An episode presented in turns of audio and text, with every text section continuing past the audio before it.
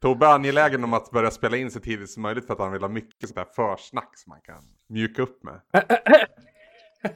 ja, men det brukar alltid... Det är bara få, få igång liksom inspelningen, sen så man kan man bara... Sen kan man prata. Jag kan då i så fall börja med att bekänna att när jag först satte mig med er så var jag så grön jävla kissnödig. Så ni anar inte.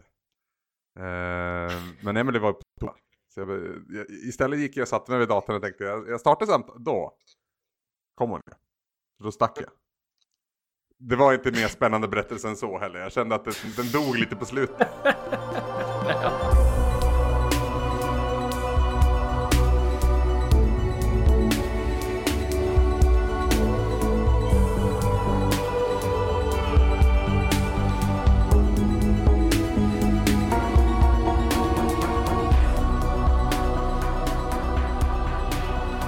förväntar sig nästan en fanfar.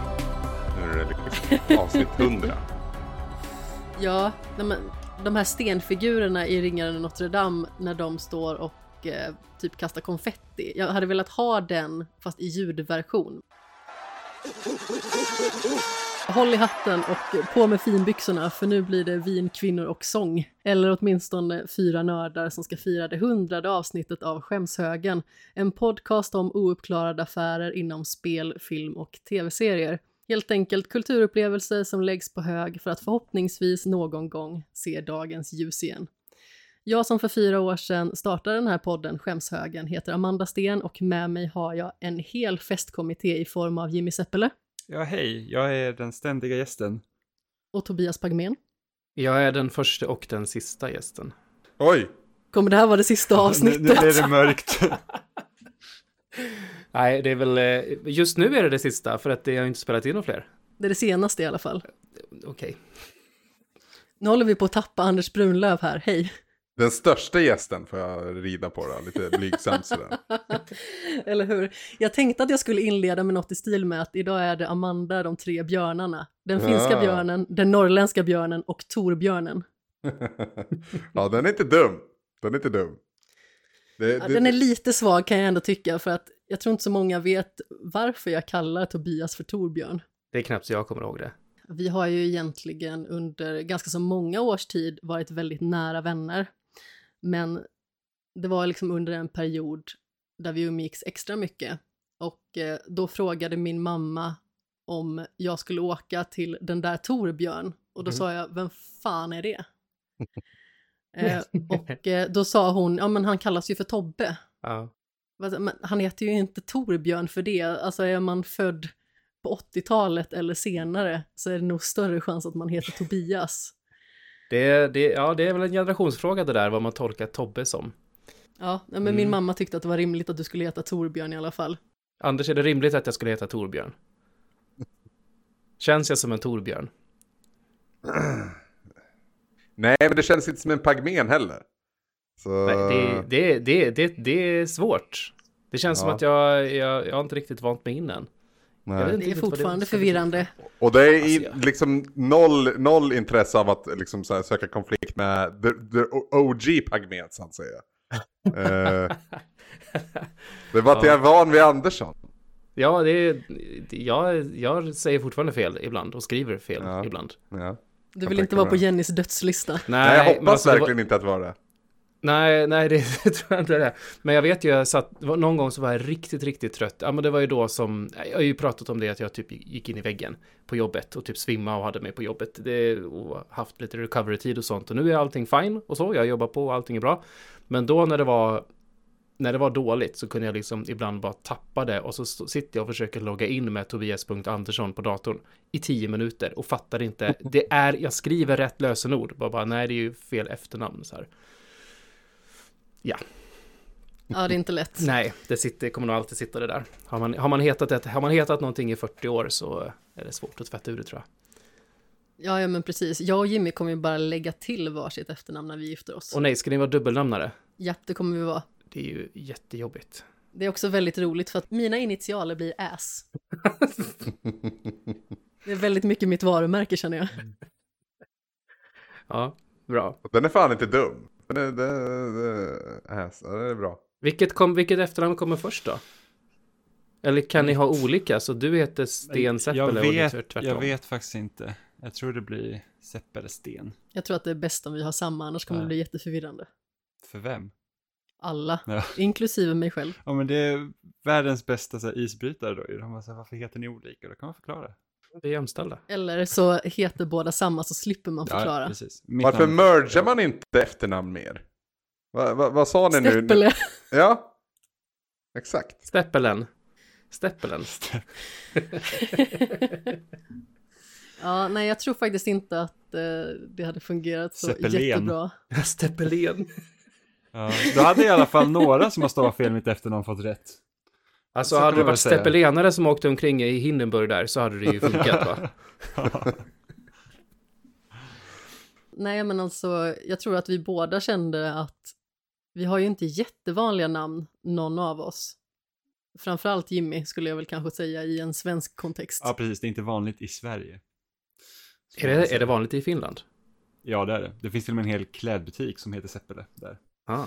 Så då, så då kan man gå och köpa kläder med, ett, eh, med en kasse med sitt namn på. Seppele ni- är typ Finland Svensson. Jag, jag höll på att säga, har ni, som är du representerar hela Finland, det är bättre jag ställer frågan, i Finland, an, har man sån namn?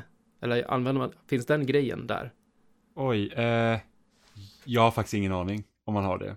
Eh, inte så att det ser begripligt ut i alla fall, från någon som inte är jättekunnig på språket. jag vet fan, men eh, Seppele betyder ju smed, så att det är liksom lite, lite yrkesbetingat då. Och sen hade vi typ en av Sveriges mest framgångsrika travkuskar heter Kontio i efternamn och det betyder björn. Så Jorma, eller hur? exakt! Jajamän. Mm, det är Anders okej. Hindenskills där med, med sin, med sin trav, travgrejerna. Ja, ha, hans dotter körde häst åt oss eh, när vi höll på med ponnytrav. Det är väldigt roligt för att eh, även jag har ju en liten historia om mitt namn. Alltså Sten, det låter ju ganska så tråkigt naturligtvis. Men det är ju en lite annorlunda stavning i och med att det är med två e och det är för att vi har i min familj förfäder som kom från Belgien. Och eh, då träffade jag en flamländsk kollega som frågade mig om jag ville veta vad sten betydde. Och jag blev jättenyfiken och han sa ja, det betyder sten. Så jag blev jättebesviken. Men. kan du förklara accenten på andra et? Nej, det kan jag faktiskt inte. För blir det inte sten? Nej, jag tror liksom att det bara blir ett långt E, om jag ska vara helt ärlig. Jag gillar att du säger att du tror. du tror. Jag, tror att mitt namn uttalas så här. Jag har aldrig ifrågasatt accenten, om jag ska vara helt ärlig. Jag tror de har skrivit fel från början och sen bara låtsas som att det regnat sen dess. Det är egentligen, det är egentligen en fluglort som inte Ja, men eller hur? Det, var så här, tagit- det råkade komma lite smuts på ett papper någon gång. Och ingen vågar säga att det var fel. Åh, kära någon. Ja, nej men vi sitter ju här nästan en vecka senare. Du hade ju lite otur där Tobbe och blev lite förkyld. Vi skulle ju spelat in i Borås tillsammans. Mm. Hur mår du nu? Mår du bättre? Ja, absolut. Jag har lite hosta kvar eh, och lite snörvel, men det är liksom inga problem. Jag mår ju bra i övrigt nu. Ja, men vad skönt. Har du haft något trivsamt för dig under liksom, julledigheten eller har du fått vara ledig ens? Uh, både ja och nej. Jag har väl, jag har väl jobbat varje dag, men uh, ganska lite oftast. Jag jobbar ju på ett... Min tjänst är, är, är sån så att jag har en hel del ansvar, så jag måste se till att saker funkar. Eh, och gör en hel del saker som bara jag kan. Och då blir det att jag får jobba typ varje dag. Men det är ju helt okej. för att jag, jag kan också ta en massa time, eh, tid off där jag behöver det. Så det är väldigt flexibelt just nu. Men jag har, eh, jag tycker att jag har tagit eh, lugnt och skönt. Eh, jag har suttit och tittat på när min, när min fru Jenny har spelat hela Tinykin. Vilket är Oj. helt eh, otroligt. Hon har liksom spelat några sådana här typ walking simulator-spel liksom på sin höjd förut. Men sen så bara Eh, som hon gillade då, typ eh, What Remains of Edith Finch och Firewatch och lite sånt där. Men Ja, eh, Firewatch skrev hon till mig om häromdagen faktiskt. Ja, det var nog det första spelet jag satte i händerna på henne när, hon, när vi började liksom träffas och hon blev liksom nyfiken på spel och sånt och liksom aldrig hållit i en kontroll. Det var liksom så här att, ja, men, här, jag tror att det här kan ändå funka liksom. Eh, Mycket bra val. Jag är fortfarande besviken på Delilah. jag med faktiskt.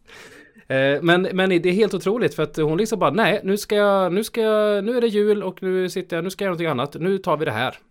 Och så bara tog hon det och spelade från början till slut på tre dagar. Eh, och sen, så, och sen så, så, så hjälptes vi åt i slutet och 100% det. Så jag tog en platina i det och sådär. Eh, jättemysigt, måste jag säga. Så nu, nu sitter jag liksom på att vad ska hon spela nu? Och det jag tror att jag ska sätta Super Mario Odyssey i händerna på henne. Oj. Mm. Ja, jag, jag slängde Inte, ut den inte på... Galaxy. På, nej, jag tror Galaxy är för svårt. Odyssey har ju dessutom eh, sådär hjälpläge som man kan slå på. Just det, just det. Mm. Och det är månar överallt, så att oavsett vad du gör så blir du belönad. Precis. Så det är liksom, man måste ha sin dopaminfix liksom sådär. Mycket, mycket, mycket månader. Nya Bra. tider nu. Eh, något annat jag har gjort är att jag dro- drog igång ett eh, stre- st- streamprojekt på, på Svampriket då. Eh, på Svamprikets Twitch där jag spelar svensk översättning av Chrono Trigger. Och den översättningen är alltså 10 av 10 bra. Det är Oj. helt fantastiskt. Alltså det är så bra. Alltså det, ni, jag vet inte om ni har ni alla spelat Chrono Trigger? Spelat typ halva. Okej. Kollat på mest. Anders, du vet jag att jag har spelat Chrono Trigger. Ja, ja, ja, ja, ja, men jag har tänkt spela det jättemånga gånger igen. Men ja. Jag har lyssnat på Anders som pratar om Chrono Trigger. Ja, just det. Just det. Ja, men man hamnar ju i en rättegång eh, som är väldigt riggad av den här eh, chanslern då, eller vad det nu, vad det blir på svenska. Eh, som som eh, motarbetar den och och snedvrider allt man har gjort eh, på värsta sätt då. Och när han står där och liksom ska agitera, eller inte agitera, argumentera till, till juryn då att, eh, att eh, vad, han, vad man borde göra med honom, att eh, spärra in honom, eh, han förtjänar inte att vara ute, sätt en snigel på ögat, liksom. Sådana där små grejer bara strösslar de in som bara är mm. typisk svensk, svenska liksom. Eh, och det görs på ett så jäkla bra sätt. Eh, det var, den här svenska översättningen finns typ inte på vanliga ställen. Jag fick använda eh, Wayback Machine för att ens eh, kunna hämta den. För den finns inte på romhacking, det finns ingenstans. För han som har översatt det eh, tog hjälp av någon Japankunnig och översatte från originalet och inte från Oj. engelskan. Så det är riktigt, riktigt bra gjort och det är så mysigt. Jag har fått in så mycket människor i, i min chatt när jag spelar det som, eh, äh, men som bara typ sitter och myser med det för att det är sådär gött så här. Hur gammal är översättningen då? Eh, 2013 tror jag den var ifrån. Ja, ah, okej. Mm. Du kan säkert länka, jag kan ge dig länken Amanda, så kan du i, om du vill ha i avsnittslänkar sen. Ja, ja, men absolut. Det är ju jätteroligt. Jag såg ju den för att eh, ni la upp en skärmdump på Svamprikets sida. Mm, mm. Och jag skrattade väldigt gott när jag såg den. Just bara för att snigel på ögat är ju en väldigt rolig referens. Eller hur? Ja. Jag kan verkligen rekommendera, verkligen rekommendera den om man vill återbesöka Chrono Trigger och eh, vill ha lite, ja en liten twist på det så. Så är det jättekul med svensk översättning.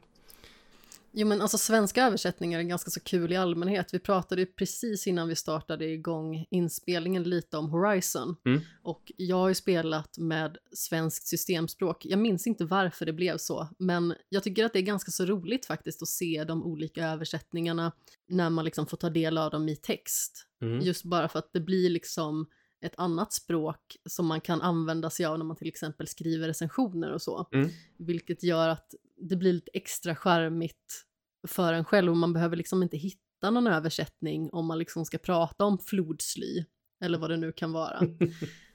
Så jag tycker att det är supertrevligt faktiskt att eh, det finns sådana alltså väldigt engagerade översättningar. Alltså både i nya spel och även i gamla. Mm. Det, det är märkligt vilka spel som de väljer att översätta ibland. Jag menar, var, var, behöver vi, behöv, behövdes verkligen en översättning av Bloodborne? Finns det en svensk översättning av Bloodborne? Jajamän, jajamän. Sätt på Åh, svenskt systemspråk. herregud. Byte slaktat säger jag bara.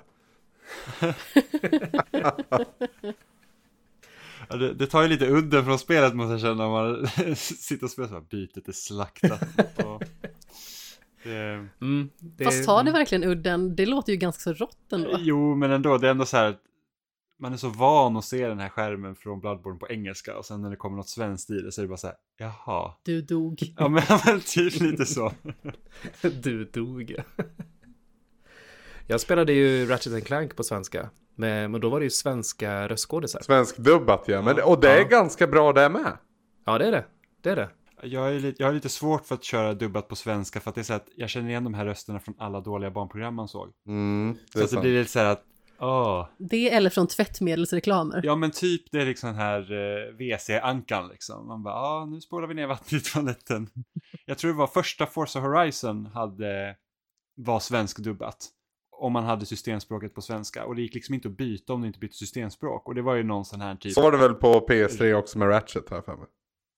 Mycket möjligt. Men då var det så här att, ja, eh, den här rösten har jag hört i ett Pokémon-avsnitt för typ 15 år sedan. Så att, ja, Det var ju... svårt att koppla bort. Precis, på Xbox One så var det ju en grej med det i flera år, fattar jag det som. För att jag, eh, just det att man kunde inte byta systemspråk om, för att, men för att göra det så var man tvungen att byta sin adress så att man var i ett engelskspråkigt land. Och jag Yes. försökte göra det, nej men då accepterades ju inte mitt kreditkort längre, för då matchade inte det. Så det är liksom, jag, hur jag än gjorde så kunde jag inte byta till engelska.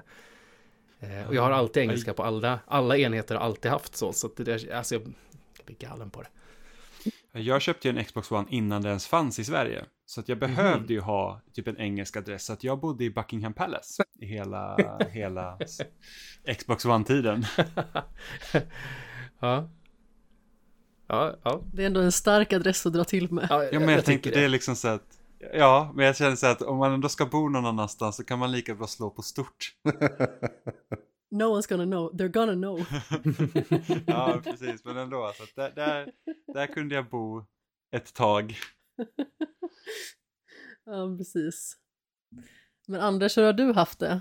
Du har ju varit nere här och hälsat på en liten sväng till och med. Jag har flängt runt och duckat covid eh, efter bästa förmåga. Och eh, vad det verkar som än så länge i alla fall lyckats.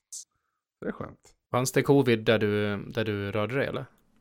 Våra nyårsplaner blev lite förändrade för att vi fick lite positiva svar och sådär. Eh, Men inte på mig eller eh, Emelie eller Ivan som jag bodde hos då, utan andra. Så. Mm. Men eh, hade väldigt trevligt, kom hem i förrgår. Så jag har inte riktigt landat än och definitivt inte fått ordning på eh, sovrytmen ordentligt än. Du menar att du inte gick och la dig typ klockan 10 varje kväll när du var här nere? Eh, det gjorde jag inte. Och gick inte heller upp i vettig tid. Vet du, vi var ju, ja det var ju, du kunde ju inte komma, men du var ju bjuden till festen på fredagen. Mm. Och- då hade vi en regelrätt efterfest hos Ivan sen också, så vi satt uppe till typ halv fem på morgonen. Gud vad mysigt. Oh, ja, jo, nu låter det ju mysigt, men, eh, och då var det svinmysigt. Men dagen efter var det ju allt annat än mysigt. Mm. Eh, Anders, du kan, ju, du kan ju berätta storyn om när vi var på en annan efterfest, du och jag. Och eh, jag tänker att nej, men nu ska jag nog gå och lägga mig och ta fram ett glas vatten, slänger i två Resorb, går och kissar. Och vad hände sen, vad hände, hände, vad hände sen, Anders? Men det är ju, det är för, alltså på bordet, det, ska vi säga så att bordet är fullt dukat av sprit. Så Ja. spritflaskor överallt. Så att det var ju liksom upplagt för smash. Att liksom tippa upp din, din eh, lilla dryck Alltså du, du, dryck du där tippade ju inte upp den, utan du, alltså, som, jag, så, som jag upplevde det i alla fall, så när jag kom tillbaka och tar liksom en stor klunk, då är det ren vodka i glaset. Oklart om det var så i verkligheten, men Du sov Men, väldigt eh, bra sen, eller hur? Sov som en stock. ja, ja, antagligen. Det kommer jag inte ihåg. Ja, Jag, vet inte, som, jag tror han byt, bytte du glaset, eller vad, vad var det ens? Nej, det var ju samma. Resorvgroggen. Mm. Det låter inte som en jättehit om jag ska vara helt ärlig. Det känns som att de båda tar ut varandra lite Det grann. låter inte jättenyttigt heller. liksom. Det är lite sån här man skulle varit där historia. Men, Ja. eh, eller, eller så var det kul då, men just nu låter det- jag som en idiot inser jag. Ja, det, det, det var kul och det var ju, det var ju liksom en sån, vad ska man säga, jargong som vi hade. Så att det var helt Ja. okej. Det var, men men det, det var kul. Men det var inte så gott, gissar jag. Nej, det var det inte. Jag kommer ihåg när Peter och Caroline hade sin inflyttningsfest också, när jag och Tobbe för första gången liksom blev riktigt nära vänner. Då följde jag med, nu ska vi se, det var Ivan, Anders och Tobbe hem till Ivan för att eh, jag skulle försöka komma med ett så tidigt tåg som möjligt. Ja, du, följde, du, du hade väl valet på natten att antingen måste jag gå nu eller så får jag liksom övernatta på något vänster och ta, åka på morgonen. Ja men precis, och problemet var att sista tåget var liksom väldigt nära i tiden och det fanns en ganska så överhängande risk att inte jag hade hunnit med det tåget. Men det var roligt för att Peter var så mycket storebror Peter då på något sätt. Han bara, du behöver inte gå med dem om de är jobbiga. Han var så himla gullig, han bara, du kan sova här på soffan istället. Jag bara, det är lugnt, jag kan följa med dem. Ni ska få lite lugn och ro här. Och så satt jag i Ivans soffa och sov helt upprätt. Just det. det Medan ni kollade på eh, MMA va? Ja, det var någon Ja, det gjorde vi säkert. precis. Det var, ja. Ja, det var härliga tider. Då var man bara en liten kamelfis. det måste vara mer än tio år sedan. Nej, det är nog sju, åtta år sedan vid det här laget. 23 tror jag att jag fyllde då faktiskt. Men eh, vi, när, var, när var Biffy Clyro-kvällen? Ja, det var ju också i början av 2013. Var det så pass? Ja, precis. Albumet släpptes, eller nej precis, det släpptes i början av 2013. Och så var konserten Så det är senare samma sedan. vår. Ja, precis. Det ska, väl, eh, det ska väl sägas då också att Biffy Clyro-kvällen var ju första gången vi träffade dig, Amanda. Ja, Och eh, för du gillar också, Anders gillar ju Biffy Clyro, det vet ju alla som har följt Anders på något sätt, och det gör ju du med. Så du hakade på Peter som du jobbade tillsammans med då, visst var det så? ja, ja men exakt. Eh, Jag och Peter hade instruerat några klasser ihop. Och eh, sedan så kom ju han och jag liksom att prata om att ni skulle gå ihop och se Biffy Clyro och även jag skulle gå på den konserten. Eh, Så då blev det väl liksom lite halvt om halvt, han bjöd in mig, lite halvt om halvt, jag bjöd in mig själv. Mm. tror jag att det var.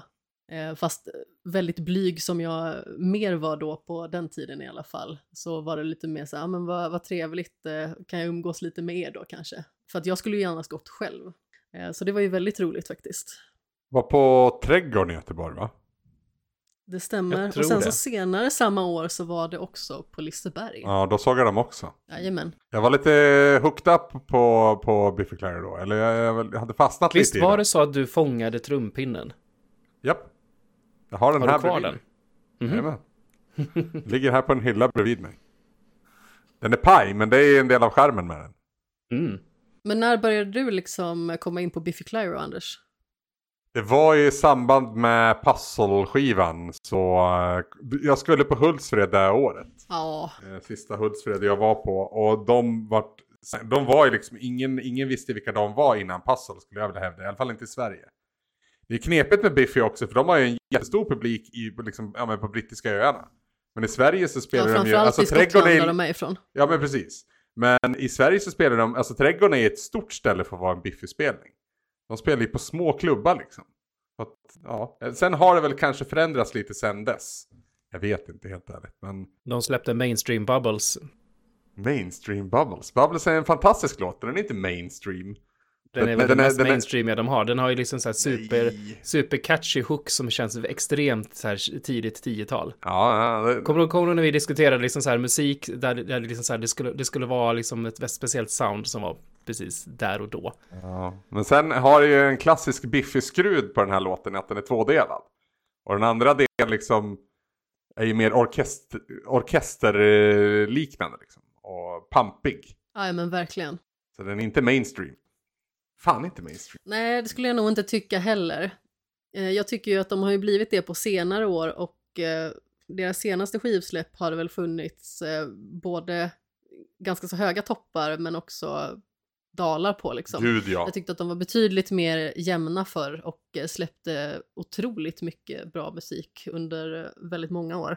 De släppte ju tre stycken skivor redan innan Puzzle som också var den som drog in mig. Jag var på Hultsfred 2008 och råkade liksom bli indragen på den konserten och efter det så köptes skivor liksom. Det förstår och jag. eh, sen var man fast. För det var inte många som var på den konserten, eller hur? Det var, det var du och jag och typ sju andra. Ja, men det var nog ungefär det. Ja. Men jäkla vilket drag det var. Jajamän. När de Jag minns- spelade Now I'm Everyone så var det ju verkligen att Ja. eh, taket höll på att lyfta där inne. Jag minns att jag stod och skrek efter 57 för det var min första crush-låt liksom med Biffy. Och det är från första skivan liksom. Eh, och försökte teckna liksom en femma och sjua med mina fingrar. Men de spelar den aldrig. Och så spelar de inte heller på Trädgården, spelar de inte heller 57. Och det är ändå en liksom tidig singel. Så den borde bli spelad tänker jag. Men då, till, till slut, tredje gången gilt, då, då kom den. Och så var den inte särskilt bra ens. Så ibland, ibland, ja. Ja, Vilken besvikelse. ja. Har du någon sån här låt som du har liksom älskat igenom många år som du aldrig har fått se live med något band? Eller alltså något band som du har sett då ska tilläggas. Mm, Alltså, det band jag har sett flest gånger är ju Metallica. Eh, utifrån hur jag lyssnade på musik en gång i tiden. Och det är, där finns det ju en, liksom, jag har säkert tio låtar som jag liksom aldrig hör, fått höra live. För de har rätt många låtar som de sällan eller ens någonsin har spelat live. Eh, men jag har liksom dåligt med bra exempel att kasta på det just nu. Jag har ju ett sånt litet exempel. Eh, Pulp är ju ett band som jag har eh, älskat sedan jag var liten och hade min eh, lilla femårings indie-hatt på mig det, redan liksom från början egentligen. Eh, och Disco 2000 är ju en låt som jag aldrig har fått se live, Mm. vilket är en ganska stor sorg för att jag var ganska så liten båda Pulp-konserterna och den ena så spelade de inte den på och den andra så somnade jag typ ståendes. Mm. Och då var jag typ 5-6 år gammal liksom. Jag har ett omvänt svar på din, på din fråga. Om du vänder på det, har du någon sån här låt som du är glad att ha fått se live? Så är jag glad att jag fick se Oasis framföra Cigarettes and Alcohol när jag såg dem på Hovet. Eh, det måste Ah, ha okej. varit 26, tror jag. Det är en av mina absoluta favoritlåtar. Eh, Oasis första skiva, egentligen den bästa de någonsin gjorde. Egentligen.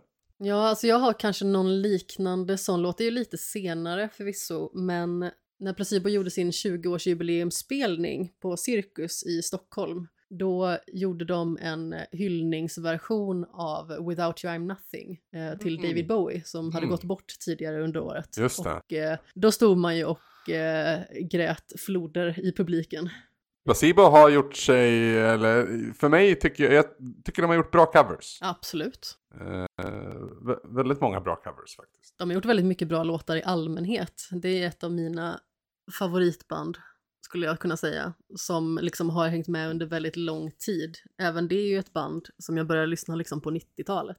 Jag har ju fått mycket musik av eh, både min pappa och min bror, så det har liksom blivit att jag har hängt med på den svängen väldigt mycket, även med så här Manic Street Preachers och Kent och sådär liksom. Även att jag bara var som sagt en liten kamelfis.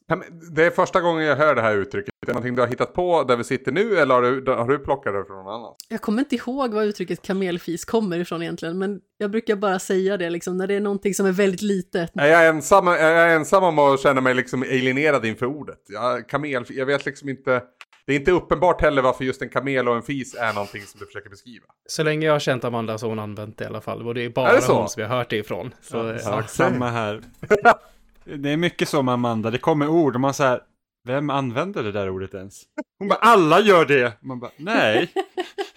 Aldrig hört det förut yttras. Man kanske har sett det i någon gammal bok någon Precis. gång. Om man är född 1864, eller vilket år var det, Amanda? 1837. 37. Men jag ser bra ut för min ålder. ja, just det. Ja, nej men eh, vissa ord har man väl kanske kommit på själv eller bara dragit någonstans ifrån som jag inte kommer ihåg, typ kamelfis. Men jag tror att det Jimmy framförallt syftar till är liksom att jag ganska så ofta använder gamla ord som ingen annan använder. Och sen så är jag ju typ personen som måste googla sådana här eh, förkortningar från internet och jag är inte stolt över det.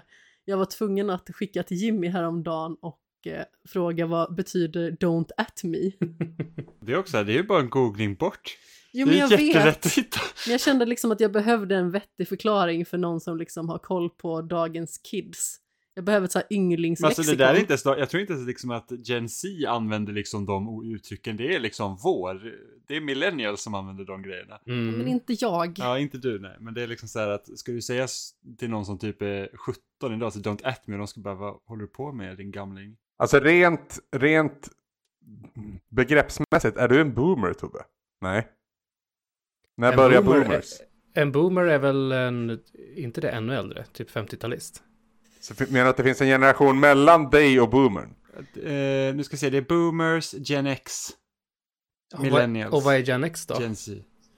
Det är väl upp till, kan det vara till 81 eller 82 kanske? Ja, då är, jag- Det då är är jag nog det. 70-talet.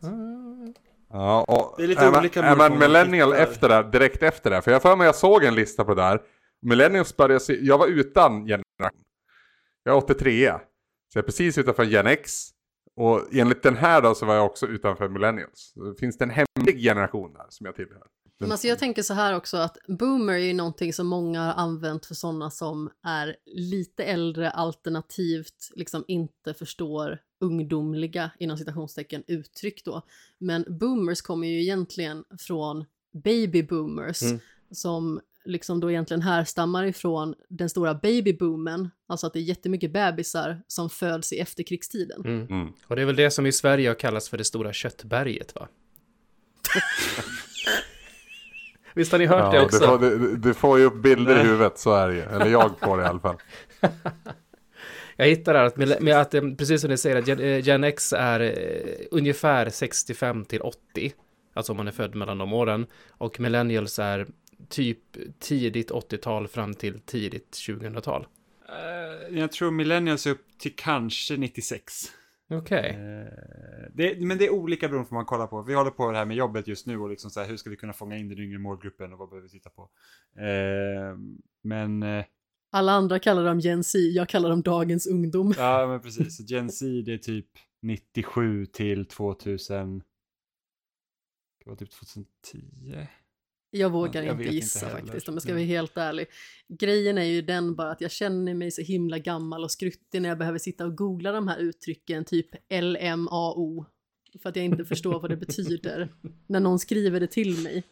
Det var ju väldigt hett när man satt på nätet typ 2008 och köra med de uttrycken. Ja. Men jag gjorde ju inte det, jag använde inte ens LOL, jag förstod ju vad det betydde i alla fall. Men Efter att du hade googlat. Jag har ju börjat tycker inte jag att använda... du ska vara sån. Jag har ju börjat använda, använda massa sådana uttryck till våran 12-åring hemma, för han tycker det är så otroligt cringe.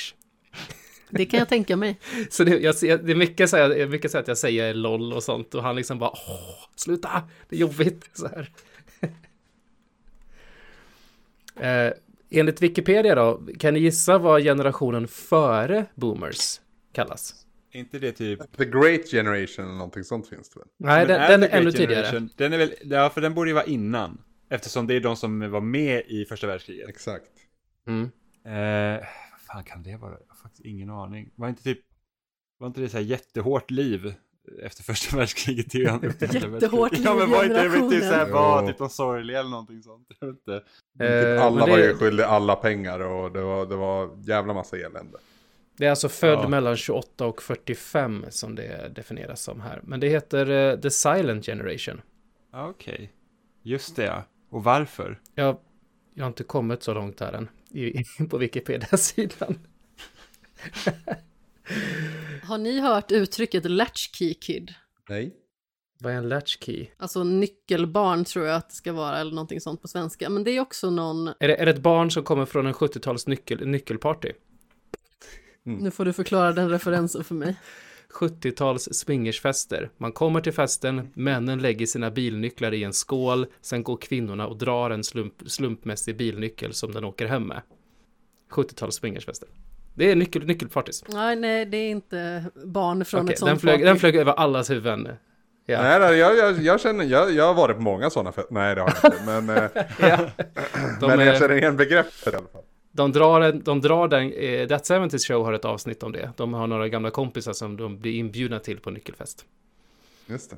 Ja, nej, men jag tror att det här begreppet kommer någonstans efter boomers i alla fall. Och jag tror att det var liksom när kvinnor lite mer började arbeta egentligen och Eh, barn fick sköta sig lite mer själv och inte vara lika beroende av eh, framförallt sin moder då. Så då hade man liksom en nyckel med sig på något sätt. Jag, jag kommer inte ihåg exakt det här. Jag kommer ihåg att vi i alla fall hade med begreppet latchkey kid när vi pratade någon gång om de här olika generationerna i engelskan. Men som sagt, det är ganska så länge sedan nu. Jag ville bara se om det var någon annan som skulle hoppa på det Nej, jag har och aldrig eh, hade hört mer den. koll på uttrycket. Nu har, jag, nu har jag läst på om varför det hette The Silent Generation och det var mycket mer deprimerande än vad jag trodde. För jag tänkte först att ja, ja, men det är väl de som har kollat på stumfilm på bio eller något sånt där. Nej, det var ju inte alls något sånt. Utan det är då alltså den tysta generationen som i att eh, de eh, är inte ute och protesterar, de liksom ställer sig inte på barrikaderna och skriker, utan de är snarare födda i depression och liksom det har färgat dem. Ah, okej. Så det var, ju- det var ju en downer, kan vi väl säga. Eh, Blir det så här konstig stämning här Tobbe? Hur ska du reda upp det här? Ja, precis. Eh, den, den sista generationen nu som vi har, i, har nu heter ju generation alfa. Och det är väl, eh, Och när är de födda? ja men precis, det är tidigt 10-tal och, eh, och uppåt. Det är väl Ja. egentligen de som går i, går i skolan nu. Mer eller mindre. Ja. Liksom, ja. Varför heter de alfa? Efter Z tog det slut. Var det kul om de Ah, hette okej. generation Ö? Vad kommer få definiera den generationen? Att det är att de får städa upp efter att alla andra har misslyckats? Ja, ja kanske. Men alltså när man tittar på speltrender, om man säger så, vilken, när slutade, för alltså våran äldsta hemma, han är 12 och han, han fnyser bara åt single player-spel. Och när jag streamar och sådär, och jag streamar ju bara single player-spel och de, folk kommer in och märkbart unga personer och bara Men varför spelar du inte bara Fortnite eller något annat? Bara så här, de konceptet single player-spel finns inte, utan spel är någonting man upplever tillsammans med sina vänner. Det, är liksom, och det, det liksom finns inte ens på världskartan att det ska kunna vara på ett annat sätt. N- När kom den brytpunkten? Eh, när eh, mobilspelen började bli mer avancerade, ska jag tro. Ja, jag skulle säga Mm. samma faktiskt. Mm, Tillsammans med free to play. mm, Ja.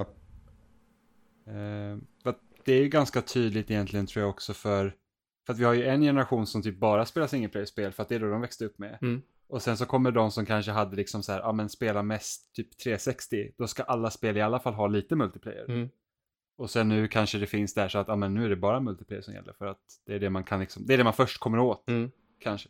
Och vi, eh, vi som i mångt och mycket, om jag pratar för hela den här gruppen, att vi är single player eh, folk primärt.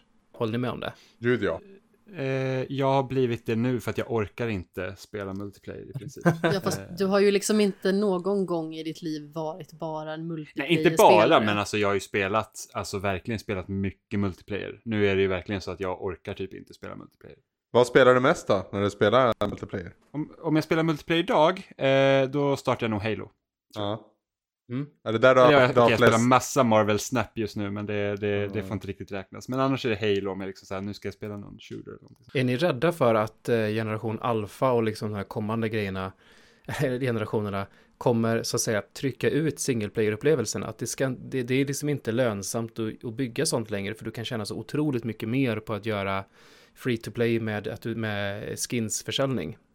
Eh, Alltså, Så det, har, vi, har vi inte ställt den här frågan i typ 15 år snart? Att, Jo, eh, precis. Jag tänkte dra tillbaka det. Att mobilspelen skulle ju, eh, mobilspelen skulle döda allt spelande och Ja. eh, Facebook-spelen skulle döda allt spelande. Ja, gud ja. Farmville och, Smurf, Smurf Village och allt vad det var Yes. liksom skulle döda allt. Det var en hel superplay som handlade om liksom att nu tar mobilspelen över. Det är liksom framtiden för Facebook typ. Mm.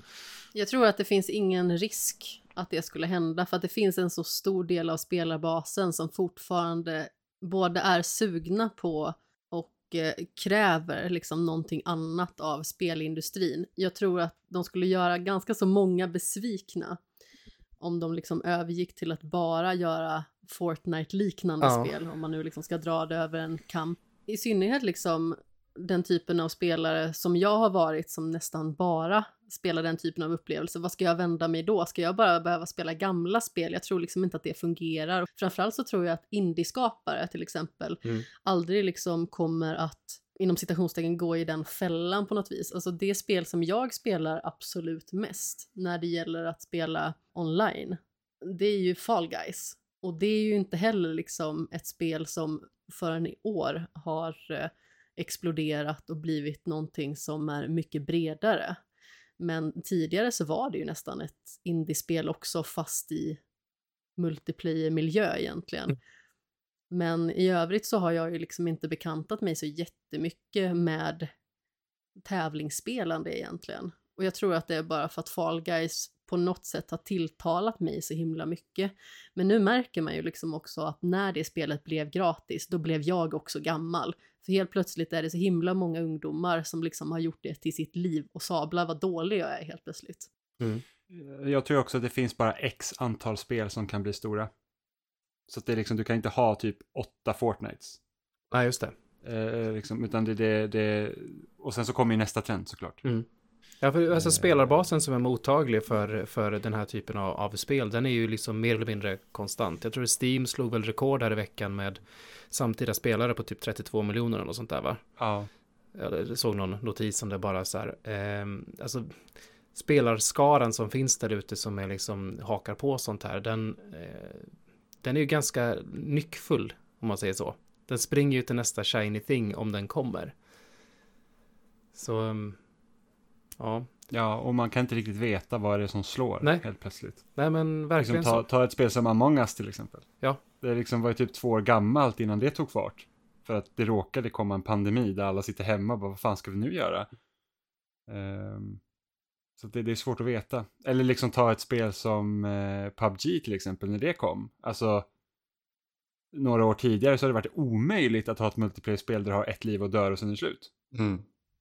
Men det var ju, det var ju, det var ju mer banbrytande än Fortnite, men det är väl Fortnite som blev den stora grejen. Alltså grejen när Fortnite kom ja. så hade det ju inte ens Battle Royale-läget, utan de snodde ju det rakt av ifrån PubG och sen gjorde ja. sin egen ja. grej på det. Och ärliga om det också, de bara, ja men vi gillar det här, så vi gjorde vårt, vår variant. Ja. Eh, men sen så Fortnite ser ju betydligt roligare ut också än vad PubG gör. Det är ju det är helt olika målgrupper känns det som. Ja, ja, precis. Alltså det är liksom, jag tror att ett spel som ser ut som Fortnite tilltalar ju en mycket större publik. Och speciellt också att kan yngre personer spela det. Mm. Eh, och nu är det ju liksom typ, alltså det är ju liksom eh, reklam deluxe i det spelet. Det är ju liksom bara massa annat tjafs. Mm. Ja, olika liksom, samarbeten och dylikt. Det, det är, jag är sällan man in... ser någon som spelar liksom originalskinsen. Det är ju liksom Darth Vader och det är Son Goku och det är liksom hela allt. Geralt of Rivia. Ja, men precis. Jag var ju lite inne på samma sak som du sa där innan med att den yngre generationen kan spela Fortnite på ett annat sätt just bara för att eh, i och med att det ser liksom så ungdomligt tilltalande ut så tror jag att föräldrar, även att det liksom är ett spel där man kan skjuta, känner att det liksom är lite säkrare nivå mm. än någonting som är mer realistiskt. Men det är ju pastelligt och när, när man skjuter ner någon så kommer det liksom, de, man liksom teleporteras ju bort ifrån banan som om det är en simulation ungefär. Det är liksom, det är inga lik mm. som ligger kvar eller något annat sånt där. Nej men precis och därför har det väl liksom blivit betydligt större än eh, många andra liknande spel just bara för att det finns en mycket större och bredare spelarbas. Jag menar, mm. det är ju många som är äldre än vad vi är som sitter och spelar det dagligen. Och det finns också sådana som liksom är väldigt mycket yngre än vad vi är, liksom 20 år yngre än vad kanske du och jag är Jimmy, som är eh, kanske lite ynglingarna i det här poddsammanhanget. Alltså vi har ju en sju, våran, sju, våran sjuåring hemma spelar ju Fortnite jättemycket och har gjort det sedan han var fem typ. Men det finns också hopp om livet när, eh, nu ska vi se, Emelies eh, brors son eh, skickade ett sms här om kvällen att han hade klarat Hades för första gången. Vi spelade en hel del Hades när han var, han var här. Han är i samma oh. åldersspann. Typ. Typ, eh, ja. Så, ja, good for him. Men det blir lite utmaningen då också, hur fångar man upp den här gruppen av uh, unga människor och får dem att bli intresserade av andra typer av spel också? För att någonstans så kanske Fortnite inte är så kul längre men man fortfarande vill spela någonting. Eh, och där känner man, alltså fördelen med Fortnite att vara en så otroligt stor källa till massa olika IPn egentligen, det är att man kanske börjar intressera sig för något, eh, liksom en serie eller någonting där man har sett ett skin. Mm. Typ som när jag började intressera mig för spel på riktigt, då var ju liksom Super Smash var ju en sån grej. Man vet ju om typ Mario och Zelda, men sen kunde man ju liksom inte några andra stora Nintendo-serier egentligen och sen så spelade man Pokémon Smash. Kunde du väl jag, kan, ja, jag kan säga att Nar Naruto, eh, när Naruto kom in som skins i Fortnite, då blev det ju ett jätteintresse för, för alla tolvåringens då, eller tio kanske han var då, alla hans kompisar. Så det blir ju, han började ju liksom gå till biblioteket och låna Naruto-mangas eh, och, och mm. eh, affischer på väggarna och eh, plöjde hela animen och, och sådär. Så ja, det är absolut så. Ja. Ja men precis, och jag tror ju liksom också att en sak som är fördelaktig nu för tiden, det är ju liksom att så många som skaffar barn, som är liksom i vår ålder, har kanske ett spelintresse. Och då blir det också lättare att faktiskt dela intresset med sina barn snarare än att bara liksom sätta dem framför någonting och hoppas liksom att de löser det själva. menar, vi har ju flera vänner som har lite mindre barn och den äldsta är ju fyra år nu hon har ju liksom klarat Captain Toads Treasure Tracker själv och mm. spelar det liksom med bravur. Och det är ju liksom bara för att föräldrarna har ett intresse, de sitter med, de hjälper. Sen behöver man inte göra det hela tiden och hon klarar ju liksom sig i mångt och mycket själv. Men det är ju mycket på grund av hennes föräldrar som hon liksom började spela och sedan så fick hon testa andra saker, till exempel Kirby, till exempel olika typer av Yoshi-spel och sådär. Mm. Så det hjälper ju liksom att man har föräldrar som har lite mer av ett intresse och kanske inte liksom bara likt kanske mer våra föräldrar eller generationen våra föräldrar tillhör, lite det här att man ställer sig skeptisk till spelandet just för att det är liksom någonting så främmande. Ja, jag håller med. Jag tror också att någonting som definierar den här generationen som vi pratar om nu är eh, acceptansen av games as a service. Alltså, man väntar inte på Fortnite 2, utan det, det tar bara för givet att det bara löper på med uppdateringar och seasons och allt vad det är. Overwatch 2 när det kom, vi gamlingar reagerar ju på vad fasen Overwatch 2, det är ju ingenting nytt, det, är bara, det, det här är ju bara som en ny season i gamla Overwatch. Eh, och det är ju faktiskt precis vad det är. Overwatch 1 finns ju inte längre. Alltså klienten uppdaterade sig med en ny logga och, och sådär. Det är ju Overwatch Season 2. Eh, men det är ju Games as a Service. Det är bara konstant uppdatering. Mm. Och det här med att man accepterar också att köpa liksom, alltså mikrotransaktioner är mer accepterat. Men det får inte vara, det får inte vara pay to win. Eh, folk Ja, lägger det jättehårt eh, på Men det. liksom det, det, det, det är dyrt att köpa ett spel för 800 kronor, men att köpa ett skin för 300 är okej. Mm. Det är typ, alltså, jag spelar väldigt mycket Marvel Snap nu och när man tittar på priserna där, det är helt sinnessjukt. Alltså det är så att man får typ två kort för typ tusen spänn. What? Är så här kortvarianter. Så bara, ja, men här är limited så får du typ två kort och så kanske du får lite sån här eh, credit så man kan ja, uppgradera sina redan existerande kort. Men alltså det är liksom så här 1200 spänn. Det är inte ens värt det. För blandad lullull. Ja, men verkligen. Alltså det är så att jag, jag kan köpa två spel som är lite på rea för samma pris. Jag får två kort med ett annat utseende. Och då är det så här att, men folk köper ju det. Man möter jämt folk som har de grejerna. Otroligt. Otroligt. Ja. Hur gick det med den där, var det inte så att EA eh, åkte väl lite dit på, var det Fifa eller var det Star Wars Battlefront 2? Det där med eh, de här eh, lootboxarna. Det börjar med Battlefield Wars, 2. va? Ja, Precis. det var för att det var... fan var det nu då? Det var, var att man, man kunde köpa lootboxar och då fick man liksom viss gear så man kunde få lite, ah, så man hade lite bättre stats i dem. Mm. Eh, och det var ju väldigt mycket så här, då, då, då blev det ju typ pay to win. Eller Mm. även om det inte gjorde så stor skillnad så upplevde man att det var så för att när man dör av någonting som man liksom inte själv har så tror man att det kanske ger övertaget. Mm. Eh, och det var, i princip var det ju det som dödade lootboxandet för alla. Mm. Idag finns det ju knappt några lootboxes alls. Nej, det är det, okej. Ja, Det var ju då det började komma bestämmelser kring det som var liksom mycket mer strikta. Ja, EU har varit på det, sen vet jag inte om det har kommit någon lag som... För mig det var en massa E- EU-bestämmelser som gjorde att Fifa inte kunde säljas i vissa Det, länder. jag tror, jag tyckte Nederländerna har ju slagit hårt på det tror jag, men jag, jag tror inte det Ja. finns någon lag från EU liksom som är i... Som är liksom tillsatt för att begränsa det. Eh, men Okej. det har liksom varit på bordet. Och, Mm. och sen verkade väl folk att man kan ta mer pengar för skins som man faktiskt vet vad man köper. Och det är ju Va? alltså Ja, bättre ändå. Var det inte, ser- var det alltså- inte Diablo, eh, mobil-Diablo som blev också var i något debacle där det någon, någon hade ju spenderat ohyggliga mängder pengar på stream för att få den allra, allra sista vad det nu var.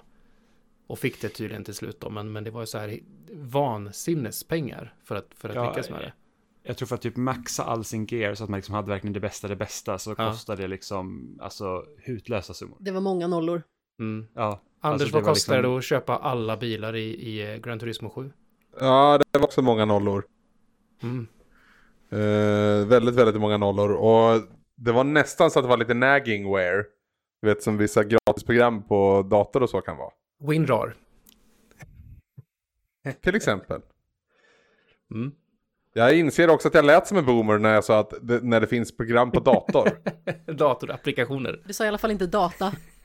Nej, jag sa inte data, det, det är sant. ett sånt där dataprogram.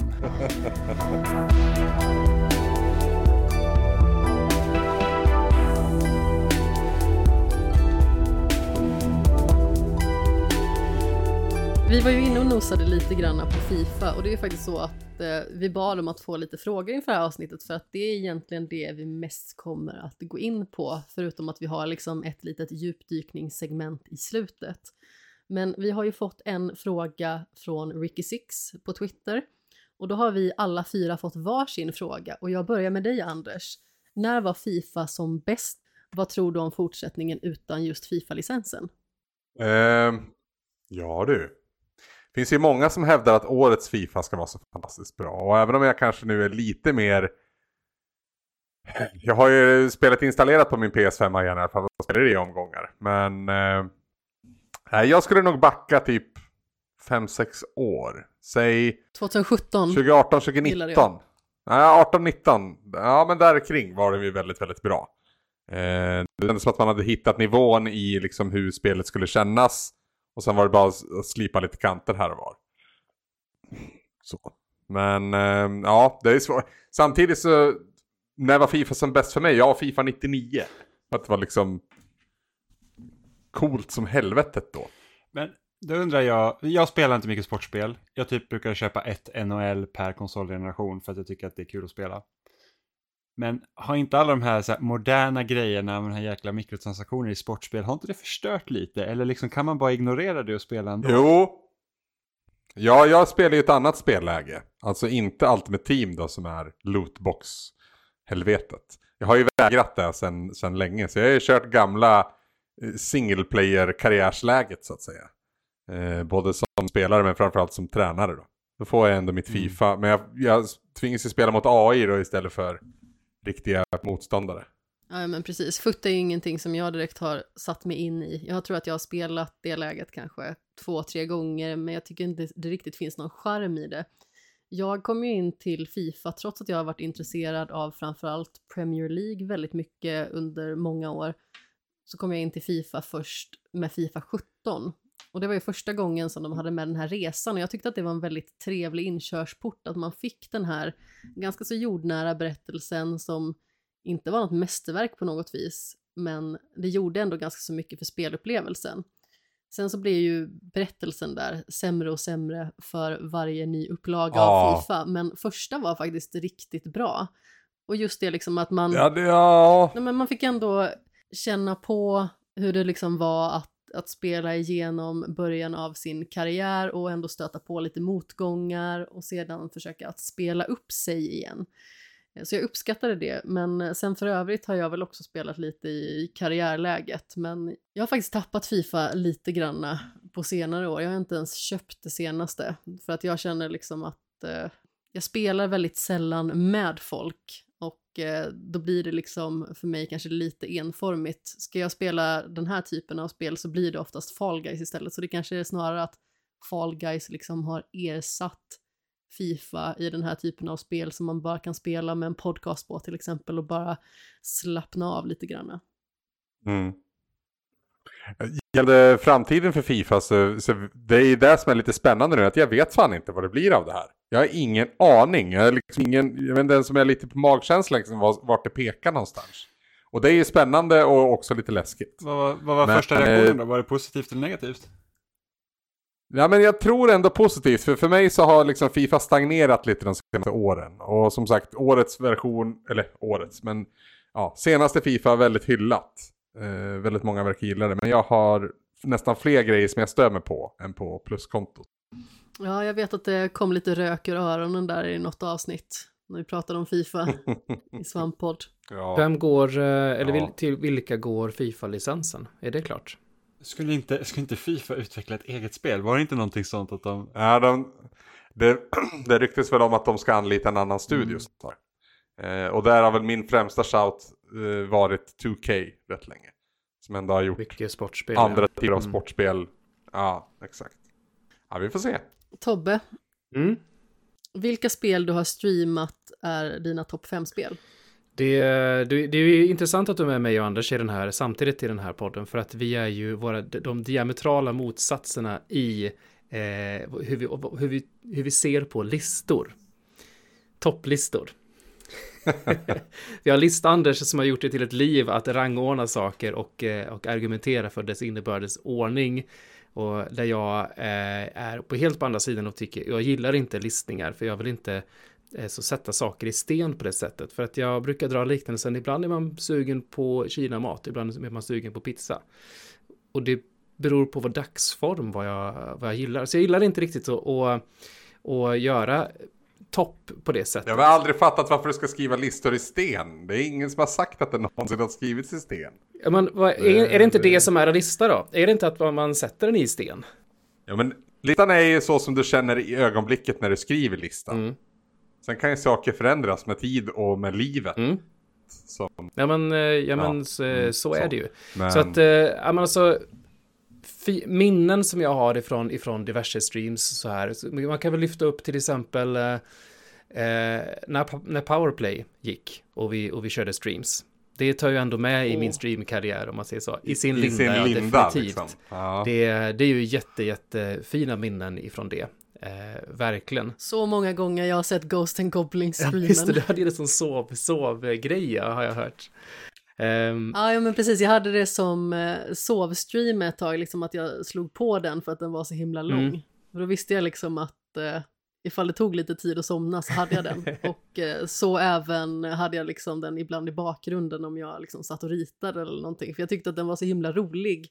Just bara för att det var ju lite hårt liv där för dig, måste man ju ändå säga. Ja, det, det, det var det. Det var det, det var det. Så att, eh, att eh, jag kan tänka mig att, att konsumera den på det sättet nu, det kanske, är- vi kanske kommer kunna komma tillbaka till det sättet av konsumtion senare i avsnittet. Kanske, hehe, wink wink. Men det, ska, men det vi ska prata om sen.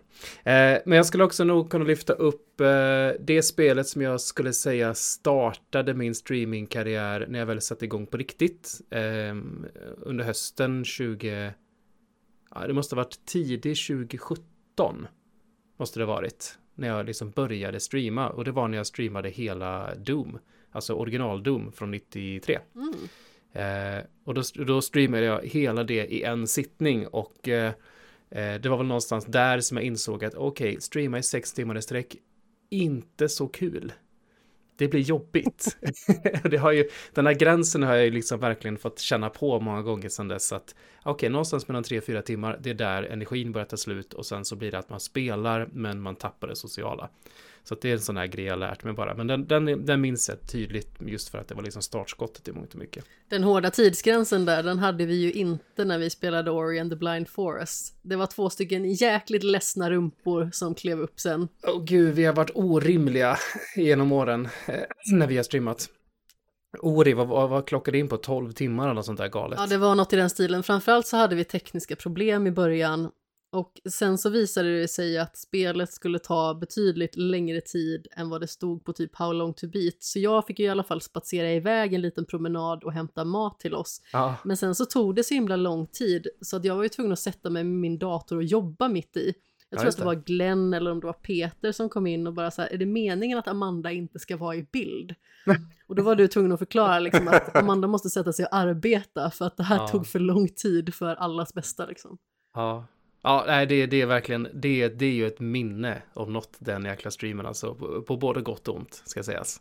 Ja, eh, det onda Ehm. framförallt då i rumpan för att jag hade Mm. sån jäkla träsmak när jag skulle gå hem. Alltså jag gick som att benen liksom var fel instoppade i rumpan. Ja. ja, men precis. Men sen så har jag ju även haft, eh, ehm, alltså Elden Ring är ju, kommer ju prata mer om Elden Ring, vi ska göra e- egen podd om det på svampriket och sådär, men, eh, men ehm, mina 17 timmar med Malenia i, i Elden Ring, eh, som var, som blev en besatthet av att jag ska ta det och jag ska inte ändra på någonting. Jag och mitt svärd, inte någon jäkla massa annat tjafs. Jimmy börjar just nu betingat kallsvettas. Fan, jag var fast på den jävla bossen i två veckor och tro mig, jag försökte med varenda fuskmedel jag bara kunde för att jag är inte tillräckligt bra. Och bara sätta ut den där jävla signsen för att eh, få in annat folk och liksom bara hugga första bästa och bara hoppas att du din jävel, du får fan vara bra för att jag är det inte. Så du sitter och ber till guden att det är typ Let Me Solo här som, som bara dyker upp hos Ja men dig. eller hur, man bara snälla, Precis, snälla höftskinkesnubben. den här Ja. gången. Sen köpte jag ju liksom Collector's Edition av eh, Elden Ring också, så jag har ju Malenia-statyn. Så det kändes ju bara så att man jäckades av den varje gång man gick förbi den. Så bara din jävel. Shit, de bara står där och hånar det också. Verkligen. Ja, Just nu står hon fortfarande bakom julgranen. Ja, precis. Där kan hon vara. Så ibland, ibland så typ står hon invänd in mot väggen för att du vill inte ha hennes hånande ögon mot dig. Ja, precis. Nej, men det, blev- det blev ju som en besatthet verkligen. Jag kunde liksom, jag kunde liksom inte tänka på något annat. Jobbet och allting. Jag, jag, så jag streamade ju, jobbade mycket hemma precis då. Och jag streamade ju på luncherna och liksom så här klippte in en timme här och var. Nej, men det, det blev sj- 17 timmar. F- faktiskt speltid i och med att jag har det inspelat, så jag vet ju det. Men, ehm, men eh, när, ja, förlösningen liksom så här, när, när, det, när jag väl klarade det var det, det, ja, det är så här galen high point i min hela spelkarriär tror jag. Det är liksom aldrig gjort en så jävla grej, galen grej som det. Hade du någon sån känsla liksom på förhand den dagen du tog henne bara att idag är dagen? Ja, alltså det hade ju, eh, säger så här, dagen innan så hade jag gjort två streamförsök på henne och jag liksom, det, det var som att, Anders, du vet ju, vi har pratat om förut, är att när man liksom så här övar på en sak och sen får man sova på den så att den liksom så här, Ja. liksom smälter in i ens, i ens eh, ryggrad på någon vänster. Det, det behövdes ju ett gäng sådana grejer, liksom så här att okej, nu, har- nu har jag lärt mig hantera den här grejen, ja, och så liksom, så- då sitter den och då kan man gå vidare till att deala med nästa grej, liksom så här, och till slut så kan man ju ta den här jäkla waterfowl dance som är hennes rövigaste av de röviga attacker som finns. Eh, till slut så sitter den, jag kan, jag kan ta den varje gång, men det tog ju, ja som sagt 17 timmar, typ, innan jag verkligen satt, så, ja fy fan, ja, PTSD när jag ens tänker på det. Eh, lite, fotbolls, lite fotbollsreferens då Tobbe. Sven-Göran Eriksson, han eh, känner du till vid namn i Mm. alla fall. Svenne. Svennis. Han gjorde Svennis, okej. Svennis ja, exakt. Svennis gjorde ju sin karriär i, i Italien framförallt. Och han gjorde sig också känd för att vara den som alltid sov på saken och uppmanade sina, sina spelare också att sova på saken. Kom de och var förbannade över någonting eller en, en lagkamrat eller någonting sånt. Så det första han sa det var att vi tar det här imorgon. Och det funkade oftast. Mm, det gör det på, på, på många sätt. Dels är det ju liksom att man så här djuplär om man nu tränar på någonting, men även så kan det vara att du har alltså stormiga känslor för någonting i stunden. Och nästa dag så kommer nästan alltid bli ett bättre beslut taget. Kompassen är mer eh, inställd. Men då. precis, det är sällan bra att göra någonting i affekt liksom. Att Ja, man men behöver jobba igenom det Man några måste vila varv. mentalt också. Mm. Alltså, jag har kört mycket så här, time trials i Mario Kart och sådana grejer. Och man liksom kan ha suttit liksom timmar och försökt på en bana. Och sen så bara, man bara pausar, går ut en timme och sen kommer tillbaka och slår rekordet på en gång. Ja, men det handlar ju väldigt mycket om också liksom att man sitter och stressar upp sig själv, man retar upp sig själv, man blir förbannad, man tänker att det här borde jag klara. Och då sitter man ju liksom och skapar ett negativt mönster för sig själv. Om man bara lägger undan det, får slappna av lite, får tänka på någonting helt annat och sen kommer man tillbaka och klarar det.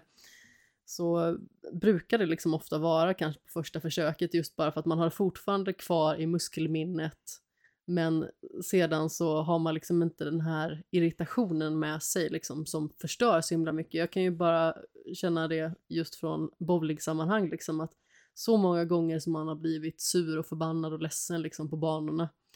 Mm. Det hjälper ju aldrig liksom.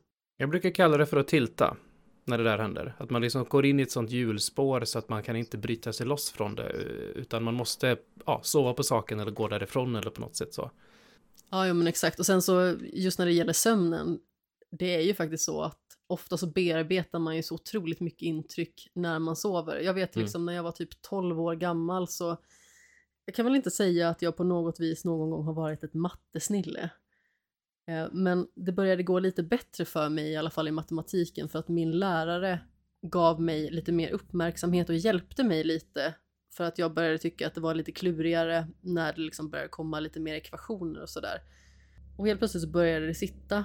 Men sista frågan på ett prov satt jag med majoriteten av provtiden. Allt annat gick som en dans, men just den här frågan, alltså den satte så jäkla hårda spår i mig. För att jag liksom verkligen skallade bordet till slut bara, jag får inte ihop det. Sen så vaknade jag mitt i natten, eh, natten efter provet, skrev ner lösningen och så gick jag till skolan dagen efter bara, är det här lösningen? Eh, och hon bara, ja men det stämmer. Mm. För att då var det liksom så här att hjärnan hade liksom fått landa i det och ofta så blir det liksom att man stirrar sig blind på någonting, lite som när man spelar pusselspel till exempel, att man ser inte lösningarna för att alla hinder är bara i vägen just då, liksom emotionellt och mentalt. Och det blir som en propp i, i hjärnan nästan. Alltså allt låser sig och liksom ingenting fungerar. Och så sen är det verkligen som när en propp släpper när det väl klickar. Det, det, ja, det, är, det är slående hur märkbart det är just i, i tv-spelsvärlden. Och när det kommer till, jag kan tänka mig du som har nött Super Meat Boy som en idiot till Mm. exempel Tobbe. Det måste ju vara ett sånt spel. Där det, liksom, det går inte på tisdagen men sen på onsdagen så bara Mm. funkar det. Mm. Dans. Ja men det är just Det det, känns precis igen. som du säger. Muskelminne, muskelminnespel ja. Det, det är som att det händer någonting på natten. Det bara klickar. Det lägger sig Mm. där. Och jag antar att det är så som, är, så som vi funkar för att kunna tackla alla grejer i våra liv, även om de är liksom helt banala som att spela Super Meat Boy kontra liksom att överleva, så, så kan man drilla den där egenskapen till, eh, till vad som helst. Jag har en fråga gällande dina streams Tobbe. Mm. Uh, du har inte gett upp någon gång va? Nej. Än. Nej, jag har inga spel som jag inte Så har det klarat. blir, det blir, det blir, det blir nästa landmark. Det blir ju spelet där Tobbe ger upp. Ja, nu, är- nu är Powerplay Anders igång här igen och ska försöka klura ut grejer. Nej, jag, jag, jag försöker ändå liksom rikta strålkastaren lite mot ett lite halvsjukt beteende. Mm. Att det ska liksom completionist. eh, nej, det, det, det, kom, det, kom, nej, det kommer inte funka Tobbe. Jag tänker på dig ja. Det har ju funkat so far. Det Men det är ju också, det är också, den där egenskapen i mig har ju varit en jäkla tillgång om man säger så i, eh, ja, men i arbetslivet och egentligen allting jag har tagit mig för. Att jag ger ju inte upp. Men det är också den grejen som jag tror till slut drev mig till eh, typ den här gå in i väggen-grejen som jag pratade om förut. Där det, Exakt. där det till slut tog stopp. När det var, ja, men det, det blev för mycket i livet på flera plan. Det finns, ja, ja, vi kan prata om det sen någon gång, du och Anders, men det, jag har ju såklart tänkt en massa på varför det hände och det, det, det är mer än bara den här grejen, men den här egenskapen är ju inte till gagn där kan jag säga. Nej, det kan jag tänka mig. Men, ja, ja, det, man är som man är. Var du uppe i tre spel nu Tobbe? Ja, vi är fortfarande kvar där. Eh, alltså, jag vet inte. Något annat som jag tyckte varit väldigt kul har varit ehm, när jag drog igång Disney-dags-konceptet. Att jag skulle spela alla Disney-spel som finns. Och ehm, har ju tuggat mig igenom väldigt många vid det här laget. Men att spela det på söndag, jag liksom så här etablerade konceptet spela på söndagmorgnar med liksom Disney-dags-introt innan jag drar igång och, och, och det där. Det, det, har varit, det har varit så kul för det har varit så ehm, eh, nästan bara skitspel. Men det gör ingenting. Det, för det är snarare, det gör det nästan roligare att man spelar skitspel och eh, men folk kommer in och det blir så här mysig stämning på ett, på ett sätt som inte riktigt är på, på andra typer av spel som bara jag lyckats få fram när jag spelat typ, ja men Tarzan eller typ så här Hercules och såna här grejer som folk kommer in och har jättemycket barndomsminnen av och tycker det är kul att man kör och sådär. Det, Vilket Disney-spel var bäst?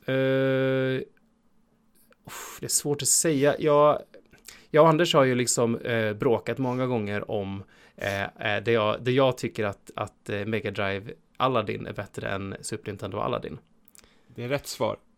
Bra, tack. Det är fel svar. Det är rätt svar. Mega Drive Aladdin är fantastiskt.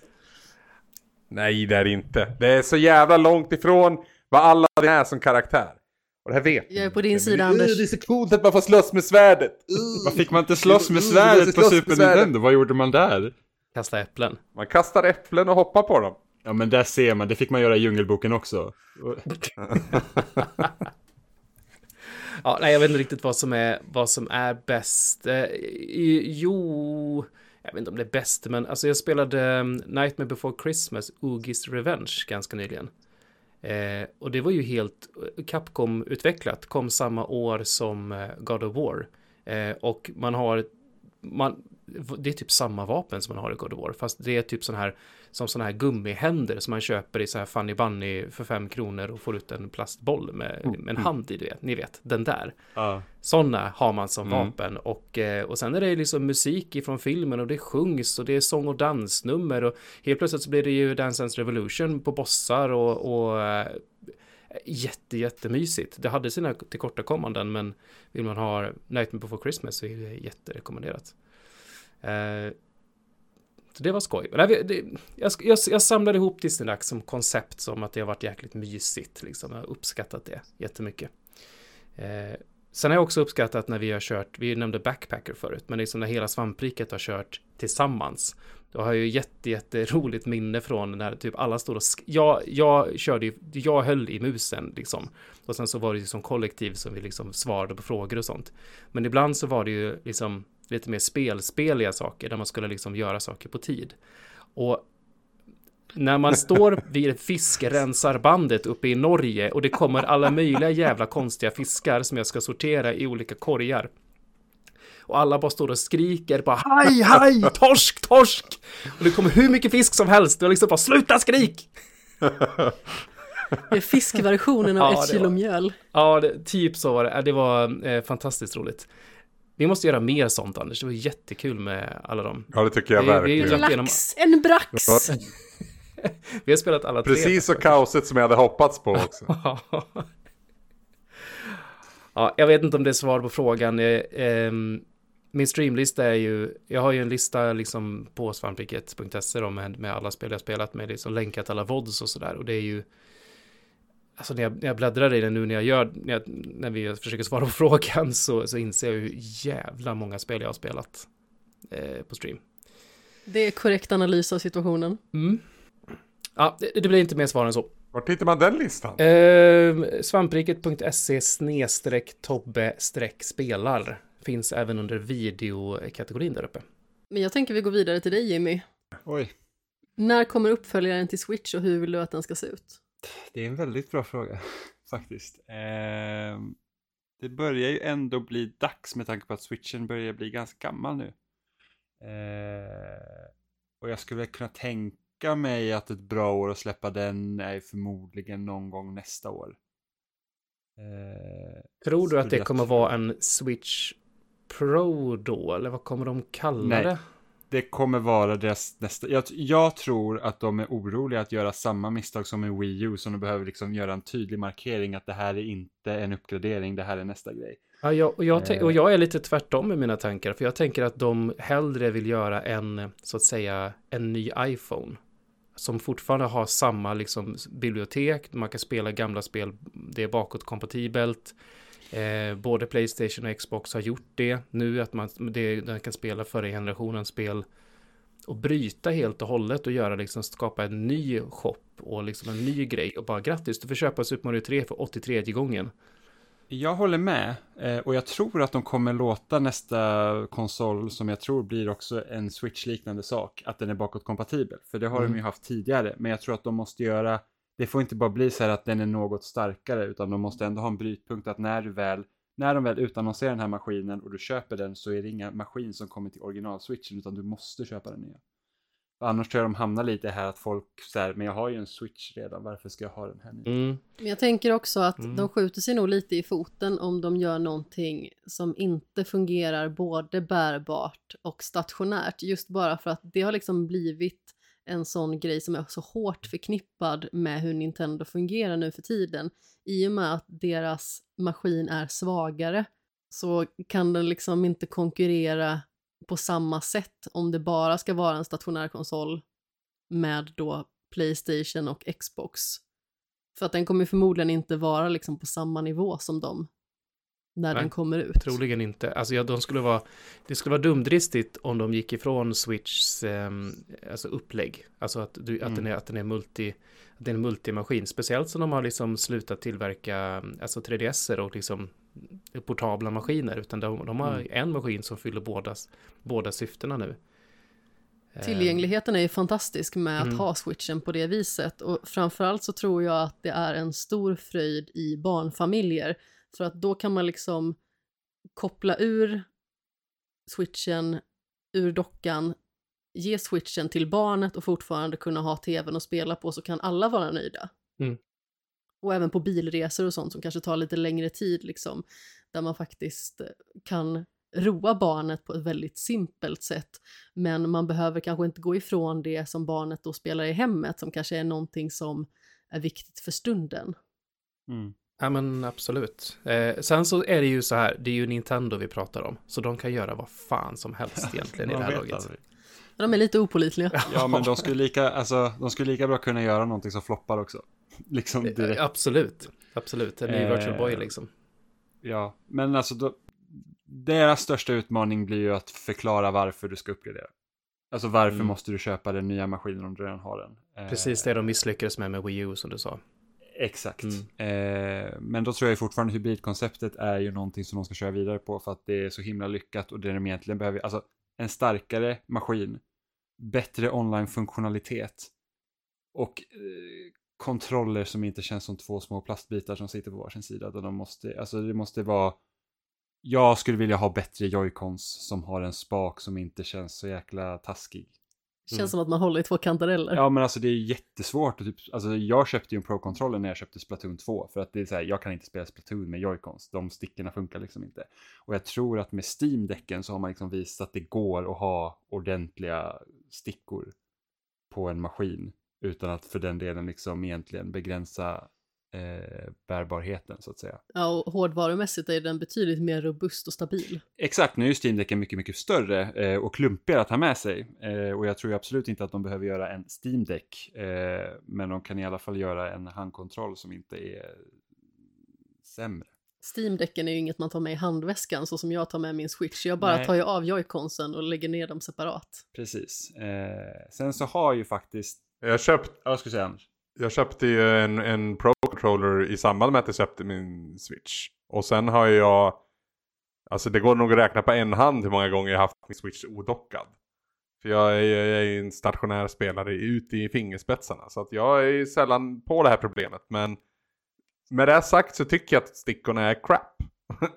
på joyconsen. Mm. Alltså inte bara stickorna, hela känslan av den, li- den är ju för liten Ja, framförallt. Den lilla jäveln. Men ja. det är i alla fall inte lika illa som den här jäkla circle-padden de hade på 3DS. Som också Nej, var tanken att det skulle vara på Wii U. Från början var det ju så här att då skulle det vara två circle pads på Wii U-dockan. Jag tror det var Activision som sa att vi kan inte släppa Call of Duty på er maskin om inte ni har liksom några stickor på er handkontroll. För att det här liksom funkar inte. Eh, och då ändrade de det. Sen tror jag att det kom någon så här typ konceptbild eh, på switchen där de också hade circle pads. Så bara de inte gör det så får man väl ändå känna sig lite glad tror jag. Och vi- får väl ändå tro att de har, att de vid det här laget tänker till ordentligt och lär sig av sina misstag och, och för alltså Switch har ju varit en kassako för Nintendo utan dess like. Mm. De vill inte tappa det.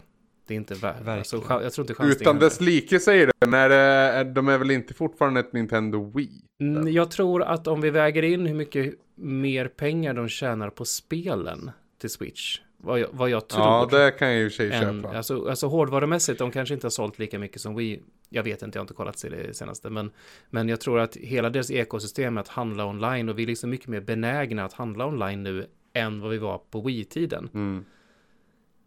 Verkligen. Och sen tycker jag liksom filosofin bakom, bakom switchen och liksom spelen som ändå representerar switchen är ju närmare vad Nintendo är än vad liksom spelen man förknippade med Wii blev någonstans. I början var det ju väldigt så här, jag menar alltså stoppa en Wiimote i handen på någon som inte har spelat och du vet hela den, folk fattade på ett annat sätt. Men sp- spel, alltså det är svårt att få ihop en vettig topp 10 på Wii. Eller nej, det kanske inte är. Men, men det, det var otroligt mycket shovelware. Mm. Väldigt mycket Ja, skit. gud, ja. Ah. Du, jag ska säga det att eh, Nintendo Switch har nu seglat upp och är världens tredje mest sålda konsol.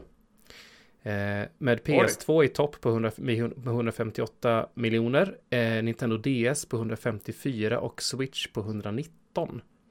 Jag Och- tror Wii sålde 107 Wow. va? Ja, 100 101,63 säger Ah, eh, VG Charts, men, men eh, ja, det är ju säkert inte eh, exakt science. Och ett problem som Wii hade var att det var en jättedålig attach rate på spel. Folk köpte Wii med Wii Sports och det var det. Ja, ja. Det var en Eh, systemsäljare utan dess like och sen så liksom fanns det inget, en natur, det finns ingen naturlighet att fortsätta köpa grejer. För det. Nej, för att liksom om farmor köpte en Wii så var det liksom, ja men jag vill spela tennis. Och då var det liksom, så du köpte inte Wii för att spela spel, du köpte Wii för att spela Wii Sports. Mm. Eh, medan switchen är ju mycket mer så att du köper en switch och sen så köper du också spel. Eh, och det är väl många av de sp- Eh, liksom, spelserier som har släppt i switchen nu också som liksom slår alltså rekord för serien. För att det säljer så mycket. Men sen så är det ju så också att i och med att Nintendo inte är lika konservativa längre som de var förr och faktiskt har släppt in lite mer olika spel på sin konsol så blir det också en konsol som är ännu mer lättillgänglig för jag tror att folk tänker att ja men då köper jag det här spelet på Switch istället även att jag kan köpa det på min Playstation just för att då kan jag ta med det om jag vill. Mm. Men jag tänker vi behöver pinna på lite, så jag tänker vi ska gå vidare till min lilla fråga som jag fick av Ricky Six också innan vi tar nästa fråga. Till mig frågar han, vilket spel skäms du mest över att inte ha spelat? Och eh, det ska jag säga, det är Mass Effect 3. För det har inte jag blivit klar med än. Och eh, Mass Effect var ju en sån serie som låg väldigt länge i min skämshög och jag hade problem med att komma igång. Jag tror att jag hade svårt att orientera mig. Jag var ganska så grön i den typen av spel och hade liksom bara knivigt att komma igång. Men när Legendary Edition kom så blev det betydligt lättare för mig. I synnerhet i och med att jag också hade den dragningskraften från så många andra som hade spelat det tidigare och som spelade det igen. Så jag spelade första spelet, jag spelade andra spelet, men sen så gjorde jag också Kapten Stens rymdäventyr av det här, vilket innebar att jag skrev så otroligt mycket, både anteckningar och manus. Så när jag hade spelat kanske en 10-15 timmar i Mass Effect 3, då var jag så himla mätt på det att jag var tvungen att lägga ifrån mig det ett tag, för att jag orkade liksom inte skriva så himla mycket och sen så fortsatte jag ju med mina rymdäventyrsavsnitt och tror att jag har kommit kanske till det andra avsnittet på Mass Effect 2 eller någonting, men det är så himla mycket som ska författas. Så det är därför som Mass Effect 3 fortfarande lig eh, ligger där och eh, ja, som sagt, det skäms jag faktiskt lite för. För det är ett sånt spel som jag känner att jag verkligen vill bli klar med. Mycket på grund av att det är en magisk spelserie och den har liksom betytt mycket för mig på många sätt liksom genom åren. Och det är också någonting som har legat där löjligt länge. Och jag hade chansen, men jag tog den inte. Mm. Men det är inte kopplat någonstans till liksom hur trean ändå mottogs när den väl släpptes. Den har ju fått lite upprättelse i efterhand, men, men det var ju stormigt som du minns, om du minns, kring släppet. Ja. Hur, hur slutet faktiskt var. Ja, men det bekommer mig inte så jättemycket, för jag tänker att det här är min upplevelse och eh, det är viktigare för mig hur jag ser på spelet när allting kommer till kritan. Men jag tror liksom att det bara var orken som gav upp. Just bara för att jag hade tagit mig vatten över huvudet och eh, gjort ett för stort projekt att ta mig an. Jag tror att mm. första rymdäventyret i Mass Effect 1, som ändå är ett ganska så kort spel om man vill, det var väl kanske fem avsnitt eller något sånt. Men samtidigt så har vi Mass Effect 2 som, jag vet inte ens var jag ska börja, det är så många anteckningssidor. kan tänka mig det. Så vi får se liksom när jag fortsätter med hela den biten. Men jag tänker att i år är året jag i alla fall ska bli klar med det spelet. Jag vill eh, verkligen... Kan vi backa, backa jag vill ut? Bara, jag vill bara en sista eh, Mass Effect-kommentar. Ja. Jag vill verkligen, verkligen eh, understryka att du ska spela, måste spela DLC till eh, Mass Effect 3. Ja, ja, absolut. Ja. Men jag spelar ju viktigt. all DLC. Mm, bra. Ja, i ettan är inte det skitviktigt. Men, Två, tvåan är eh, liksom så här skoj, men trean är liksom, eh, det är obligatoriskt. Ny ja. nivå. Mm. Shadow Broker är ju ja, ja. coolt dock. Men det är ju mer settingen än, än, än... Ja, nej, det tas till en ja, men, alltså, men kan ja. vi prata lite om, lite om konceptet med en skämshög? Nu menar inte jag att slå, liksom, så sticka hål på ballongen som är den här podden i sin helhet, i sitt hundrade avsnitt. Men hur, hur, ser din skämshög ut Tobbe? Oj, min skämshög, eh, jag vet att det finns en eh, en fråga till här som kommer komma där vi ska liksom prata om våra respektive skämshögar och det, det finns otroligt lite i min skämshög efter ett mitt eh, streamingmaraton senaste typ sex åren. Jag har ju betat mig igenom mm. väldigt mycket gammalt, men det som finns där i som, som, eh, som ändå är spel som, som jag känner att jag borde ha spelat är ju, jag men, säg, det är mycket rollspel. Säg typ Final Fantasy efter Final Fantasy 9, jag har inte spelat. Eh, jag mm. skulle gärna vilja känna Nej. på Persona-serien. Jag har hört så mycket bra om liksom från trean och uppåt ungefär. Ehm, men jag har också på den listan egentligen, om jag skulle liksom så här, om man ska dö och känna att man har liksom koll på alla spel, eller liksom så här generellt sett i alla fall, de större grejerna, så har jag ett jättestort svart hål som heter eh, MMO. Jag har aldrig ens spelat en sekund av World of Warcraft och vet knappt ens hur man spelar det. Det, det är liksom så här noll där, ingen aning vad det är för någonting. Och jag vill inte in där för jag vet att det skulle bara sluka min tid och jag har inte den tiden. Men... Eh, Ändå nämner du det? Ja, jag nämner det för att jag vet att om man ska sitta lite större begrepp så är det så här, ja, i ett annat alternativt universum så skulle jag lätt kunna lagt liksom en massa år på WoW-spelande, för jag vet ju många som har spelat det och ser tillbaka på det med liksom glimrande ögon som det bäst, den bästa tiden i deras liv liksom. Och jag har inte den upplevelsen.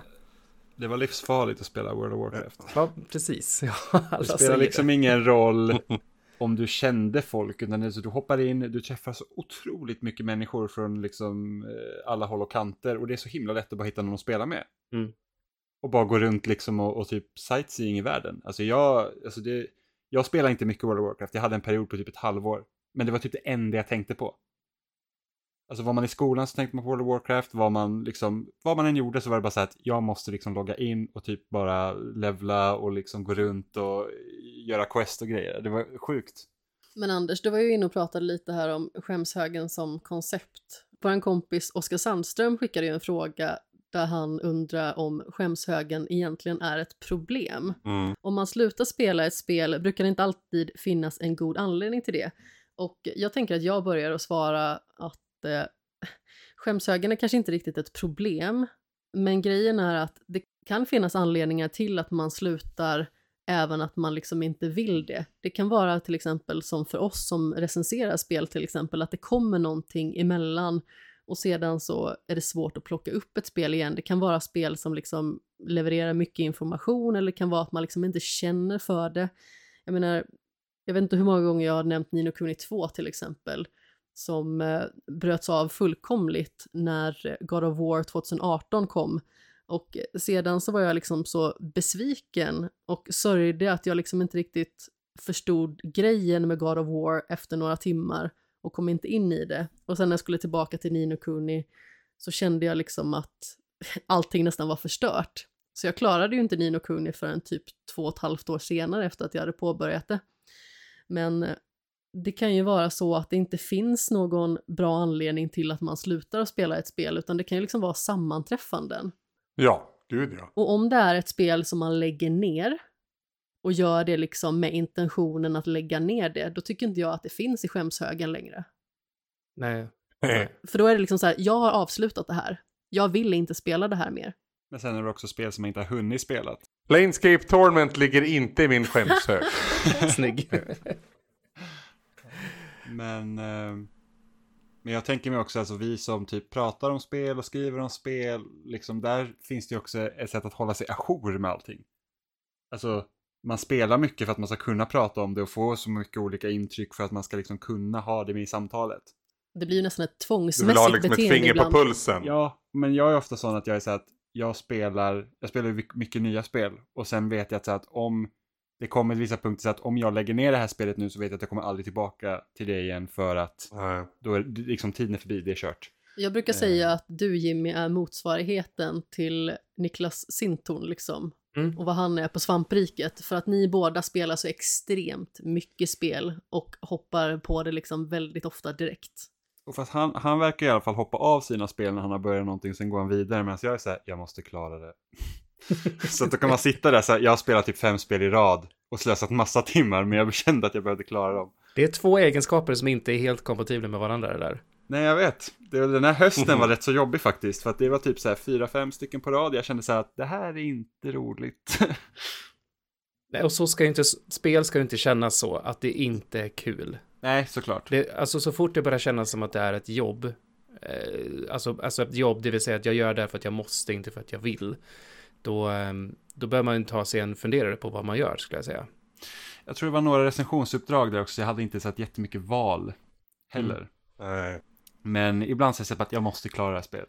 Jag ställs ju alltid inför, inför liksom, när, när man står inför konceptet skämshög så är det alltid att spel har jag checkat av ganska många boxar ändå. Jag har likt Tobbe inte jag provat MMO och det finns andra genrer som liksom inte klickar med mig. Det vet jag sedan innan. Så det som har för, liksom känts intressant för mig har jag ju ofta smakat på.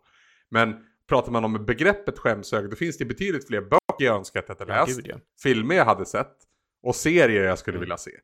Så liksom, kliver man utanför spelbubblan, så, så, alltså, spel är typ avbockat i jämförelse. Ja, oh ja. Ja, men precis. Och sen är det ju så också att i den här podden så pratar vi ju även om film och tv-serier liksom, så man kan ju kliva utanför spelbubblan ganska mycket. Sen så blir det ju, i och med att vi är inne i spelsvängen väldigt mycket, så är det ju inte så konstigt att det är dit vi går. Men Nej, apropå nej, det här med olika spelgenrer till exempel, så fick vi en väldigt trevlig fråga från vår kära Anna Nilsson, som undrar, Mhm. under de fyra åren som gått, har ni erövrat, återupptäckt eller rent av gjort slut med en spelgenre? Jag tänker vi börjar med dig Anders. Oj. Det är, det, fyra år som gått.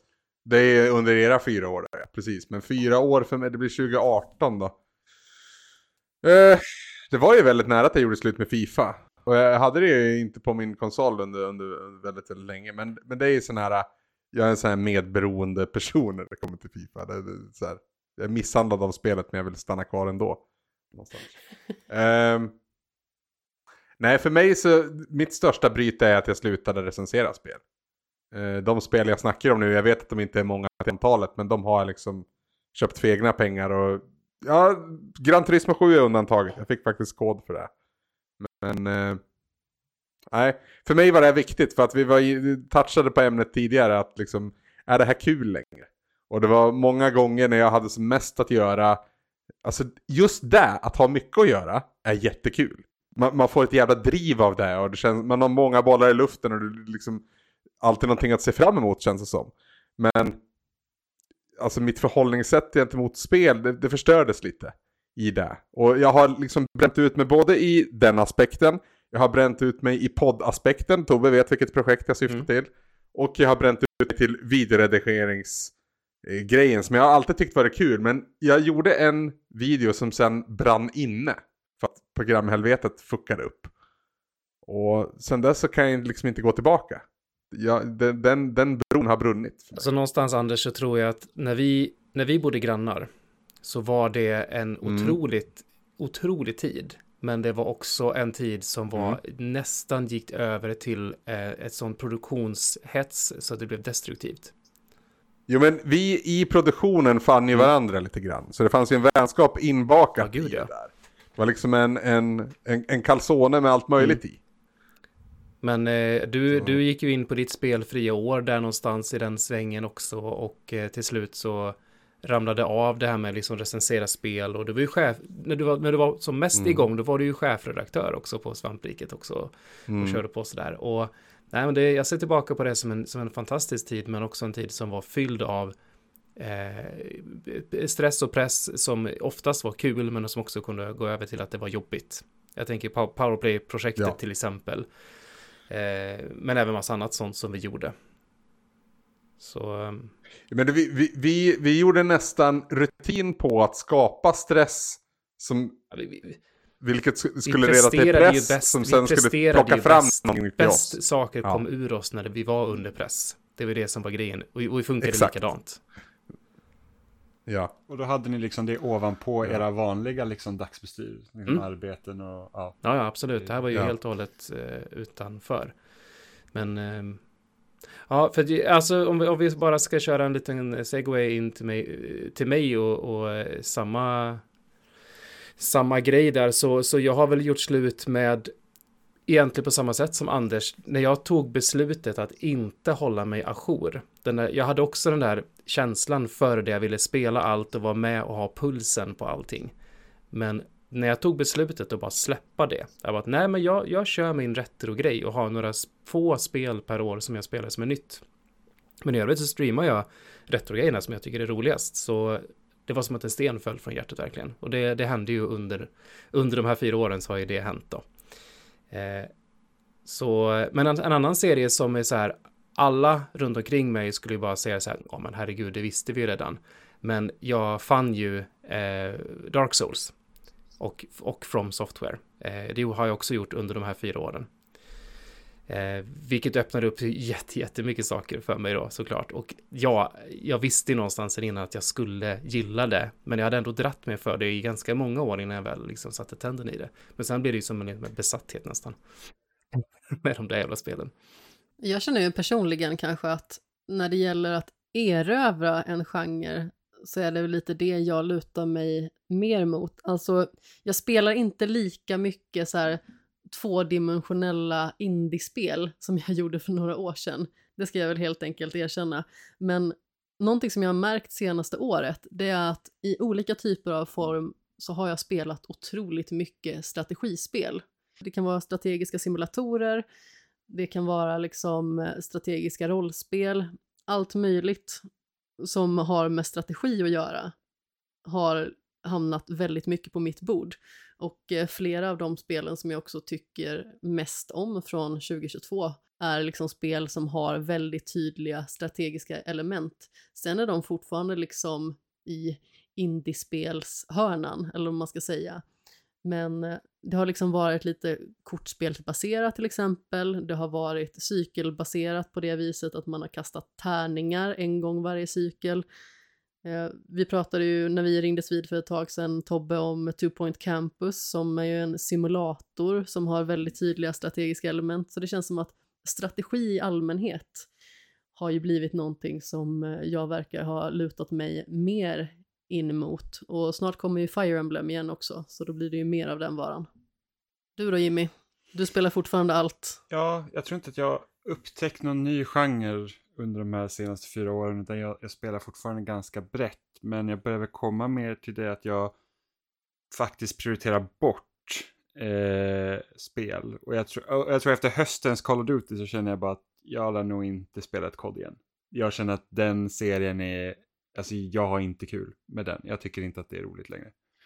Eh, mycket för att det är väldigt så här macho amerikansk berättelse och sen så är det inte speciellt kul att gå liksom i, i ganska linjära korridorer och skjuta massa folk. Eh, men hur har du kommit på den nu? Men alltså det... Så här har det ju varit. jag vet att det har varit så, men det är så att det har alltid funnits någonting och sen alltid multiplayer såklart. Eh, men jag har inte spelat alla COD. Ja. Jag spelar typ Infinity Wars Call of Duties. Eh, och sen när de gjorde reboot av Modern Warfare för att, ja, Modern Warfare 1 från 2007 var ju liksom väldigt fantastiskt när det kom. Och sen gjorde du reboot yep. och så vill man ju såklart vara med på den också. Jag tyckte faktiskt att det från 2019 var liksom helt okej. Okay. Och då såg jag väldigt mycket fram emot tvåan, men nu var det verkligen så här så att nej. Alltså jag, jag gick så, det känns inte som att man kan spela det med gott samvete längre. Men det senaste nu är väl någon form av reimagining? På, de, ja, det är dem, fortsättningen va? på 2019. Ja, precis. Och det, det är liksom typ, typ en omgjord version av Modern Warfare 2 från 2009. Ish. Mm. Det är lite samma karaktärer som dyker upp men det är liksom en ny berättelse. Och det är liksom, det gör ju lite att man känner att man säger att ja men jag vill, jag vill ju ändå se vad det bär hän. Men alltså nej, det, det var verkligen så att jag, jag tycker liksom att det, det är ganska, alltså jag skulle säga att det är ett rätt dåligt spel egentligen. Alltså de, de håller ju eh. sin formel där liksom rakt upp och ner. Det... Ja, men där känner jag bara att det, det är ingen mening. Jag vet inte ens varför jag försöker. Nej. Uh, jag, tror, jag, jag tror inte heller det är menat att du är målgruppen. Nej, jag vet, jag är inte det. Uh, och jag tror att det är så här, det lär hända mer och mer tror jag, ju äldre man blir. Liksom, att man, så att man är inte målgruppen för så mycket. Det har nog hänt under de här fyra åren, att man har fallit ur än mer den, den allra mest köpstarka målgruppen mm. i alla fall. Ja, för det var ju en ganska stor diskussion med remaken på Last of Us var ju det att när folk ja. bara säger varför gör de det här? Det är helt onödigt. Och så bara, men ni kanske inte är målgruppen längre för ni har ju redan spelat det. Nu försöker mm. man ju fånga upp nästa yep. generations spel, liksom, för att spelet är ändå tio år gammalt i år till exempel. Mm. Eh, och på de tio åren så är det ju jättemycket folk som helt plötsligt säger att oj, vi kan spela Last of Us. Eh, och där tror jag det blir ett ganska stort uppvaknande för många, blir helt plötsligt att nej, men företagen vänder sig inte mot dig längre för att du är liksom, du är inte lika relevant längre. Mm. Ja, jag tycker helt rätt. Ja, man ska inte liksom inte klaga så mycket på alla dessa remasters och, och, och sånt och remakes som kommer. Nej, och du behöver inte köpa alla. Alltså det finns ju gott om spel att spela så att man behöver inte vara ledsen för att det kommer ett spel som du inte vill spela. Ja, det är faktiskt helt sant. Men jag tycker det är lite roligt faktiskt. Du var ju inne och nosade lite på eh, From Software, Tobbe. Mm. Eh, och det är väldigt roligt att eh, vår kompis Martin Rudmarker har skickat en fråga som återigen handlar om att ranka saker ja, till dig. mm. eh, han skriver till Tobbe, hur skulle du ranka Soulsborne-spelen nu efter att ha spelat Elden Ring? Alla spel från, från och med Demon Souls inkluderade. Tack för alla underhållande streamsessioner och Elden Ring-poddar. Mm. Eh, eh, kul att du har lyssnat, får vi säga då, och tittat och, och allt sådär. Men eh, det är så jäkla svårt att rangordna de där spelen alltså. Men, men Elden Ring eh, vill jag sätta i topp, för att jag klassar Elden Ring som ett av de bästa spel jag har spelat ever. Eh, men där under är det klurigt. Demon Souls hamnar längst ner, för det, jag har inte spelat remaken, så jag kan inte bedöma den. Men, men PS3-originalet på Demon Souls är ju det är ett embryo till, till vad som komma ska, men det är fasen inte bra som det är. Alltså det, Det är svår skit. Ja, det är svår skit. Eh, mm, men sen så är jag lite så här lite, jag gillar ju, alltså Dark Souls 1 har jag otroligt fina minnen eh, till, för det var ju där jag liksom klickade med serien, även om jag tekniskt spelade Dark Souls 2 först. Eh, Dark Souls 3 tycker jag också jättemycket om, för det är liksom, de hänger ihop med, med, eh, med trean, eller med ettan. Eh, tvåan är ju liksom så här lite standalone mer. Men, ehm, jag vet inte fasen alltså. Och sen är ju Sekiro där som är liksom ser helt sin egna grej men ändå liknande. Jag gillar Sekiro jättemycket för att det är liksom det, det är rätt upp i min allé på spelstil och bara kunna liksom kötta ner det på ren skill, inte hålla på och typ RPG-elementen finns ju knappt där. Du kan ju knappt alltså modifiera dig själv. Lite grann med prosthetics och sånt. Fast jag spelar ju hela spelet utan att använda prosthetics. Bara för att jag är jag, jag, jag. Men um, men där är verkligen, sitter du fast på en boss, då är du fast på bossen. Ja. Du får bara bli bättre. Git good, det är liksom, det är inget spel i Froms eh, spelserie är mer Git good än vad, än vad det är. Eh, och sen kommer ju Bloodborne in där då, som, eh, som, jag till, som jag till i första streamen hatade med hela mitt hjärta innan jag fattade hur det spelet ville spelas, för jag gick in med helt fel inställning. Um, när jag väl slutade hålla på och försöka tajma, eh, tajma med pistoler och sånt och liksom för, um, eh, ja, det heter någonting när man ska liksom sätta de här, jag struntar i det helt och hållet, jag kör på mitt sätt. struntar i alla sådana här kringgrejer som jag brukar göra. Buster only, Anders du vet. Eh, jag vet mycket ja, väl. Eh, jag har jättesvårt att rangordna dem, jag tycker jättemycket om dem allihopa. De, de har olika styrkor och eh, det är lite grann så här, ibland är jag sugen på Just nu så sitter jag faktiskt och är lite sugen på Sekiro, nämligen. Jag är också sugen på Dark Souls 3 och jag funderar på om jag ska liksom spela dem lite grann för mig själv. Inte streama dem, för jag har ju redan streamat dem. Liksom. Så att eh, just nu så är det Dark Souls 3 och Sekiro i topp på vad, vad som är sugen efter. Men det betyder ju inte vad som är bäst och inte bäst. Ja, ja, vi säger det. Elden Ring i topp och sen säger, säger vi de två. Eh, och sen så säger vi de andra under. Eh, just nu, för Anders sa att man skulle ta listor just nu. Det är inte satt i sten. Exakt. Du borde skaffa Demon Souls remaken för den är faktiskt bra. Det, det, ligger, det ligger på listan. Vi, eh, pilen på svampriket, numera svamprikare då. Eh, vi har ju kört, många av de här poddprojekten vi gjort för From, From spelen har vi ju gjort tillsammans. Och eh, Demon Souls remaken är ju det enda spelet där som jag inte, som vi inte gjort en poddserie om. Så den kommer. Eh, troligtvis eh, så kommer den väl eh, någon gång i år, skulle jag säga. Ska bara hitta när. Jag har aldrig sett Jimmy så ynklig när han har spelat ett spel som när han spelade remaken av Demon Souls. För att han kom ut ur sovrummet medan jag satt och spelade och så frågade jag om han inte skulle sätta sig och spela någonting. Och då liksom så här ryckte han på axlarna, mungiporna var liksom under hälarna i stort sett. Och så säger han Oh, nej, jag vet inte. Jag är så ledsen för att jag är så dålig på spel. ja, men det var fruktansvärt för att jag satt...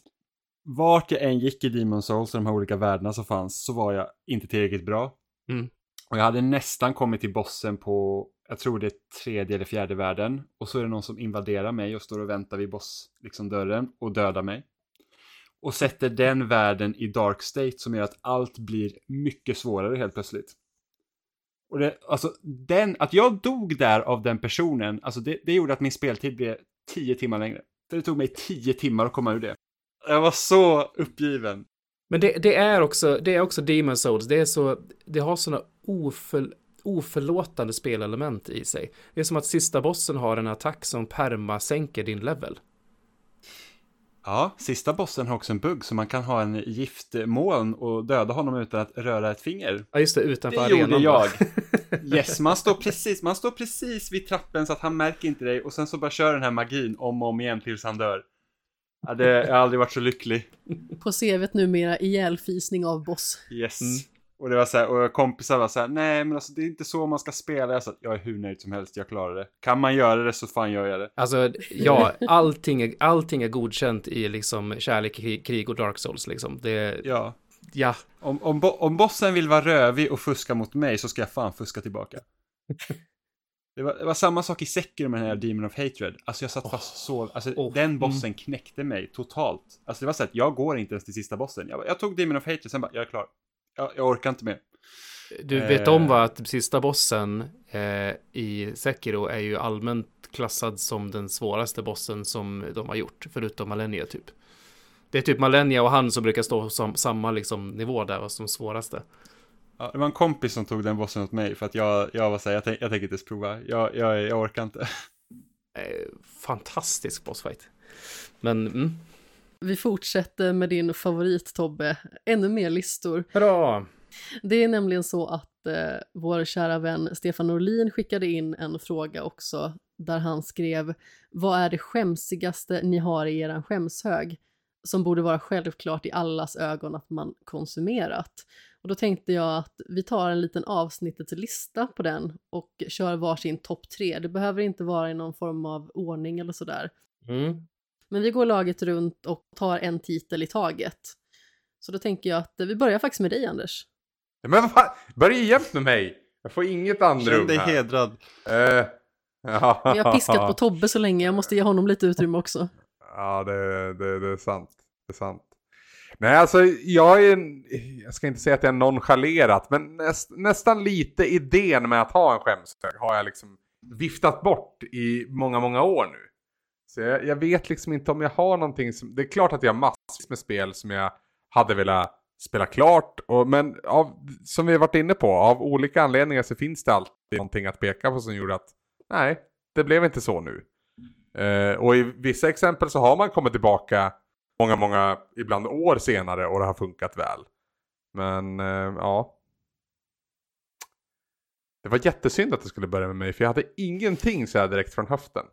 Som jag skäms, för, skäms över. Alltså, eh, Okej, vi går väl dit då. Det är väl där ni... Fan. Men okej, Planescape Tournament kanske lite ändå då. Ka- kanske, kanske pytte, pytte, pytte, pytte lite Planescape Tournament. För att jag la ändå så pass mycket energi på, även om kanske inte det märktes i slutprodukten, men den jävla sagostunden skulle ju bli någonting nytt. Så jag försökte liksom hitta det, försökte hitta mitt språk och jag la mycket energi på den. Men det blev ju bara skit. Till slut bara, nej, jag släpper det.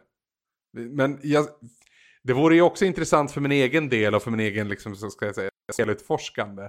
Att, att spela det utan att ha något liksom bakomliggande krav knutet till det. Att bara spela det för att upptäcka spelet och, och förstå det. Men av det lilla jag hann sniffa på så tyckte jag det mest stank faktiskt. Det var inte alls min grej. Men, men eh, mi- mikroskopiskt liten, liten promille så kanske jag skäms lite för det också. Tobbe?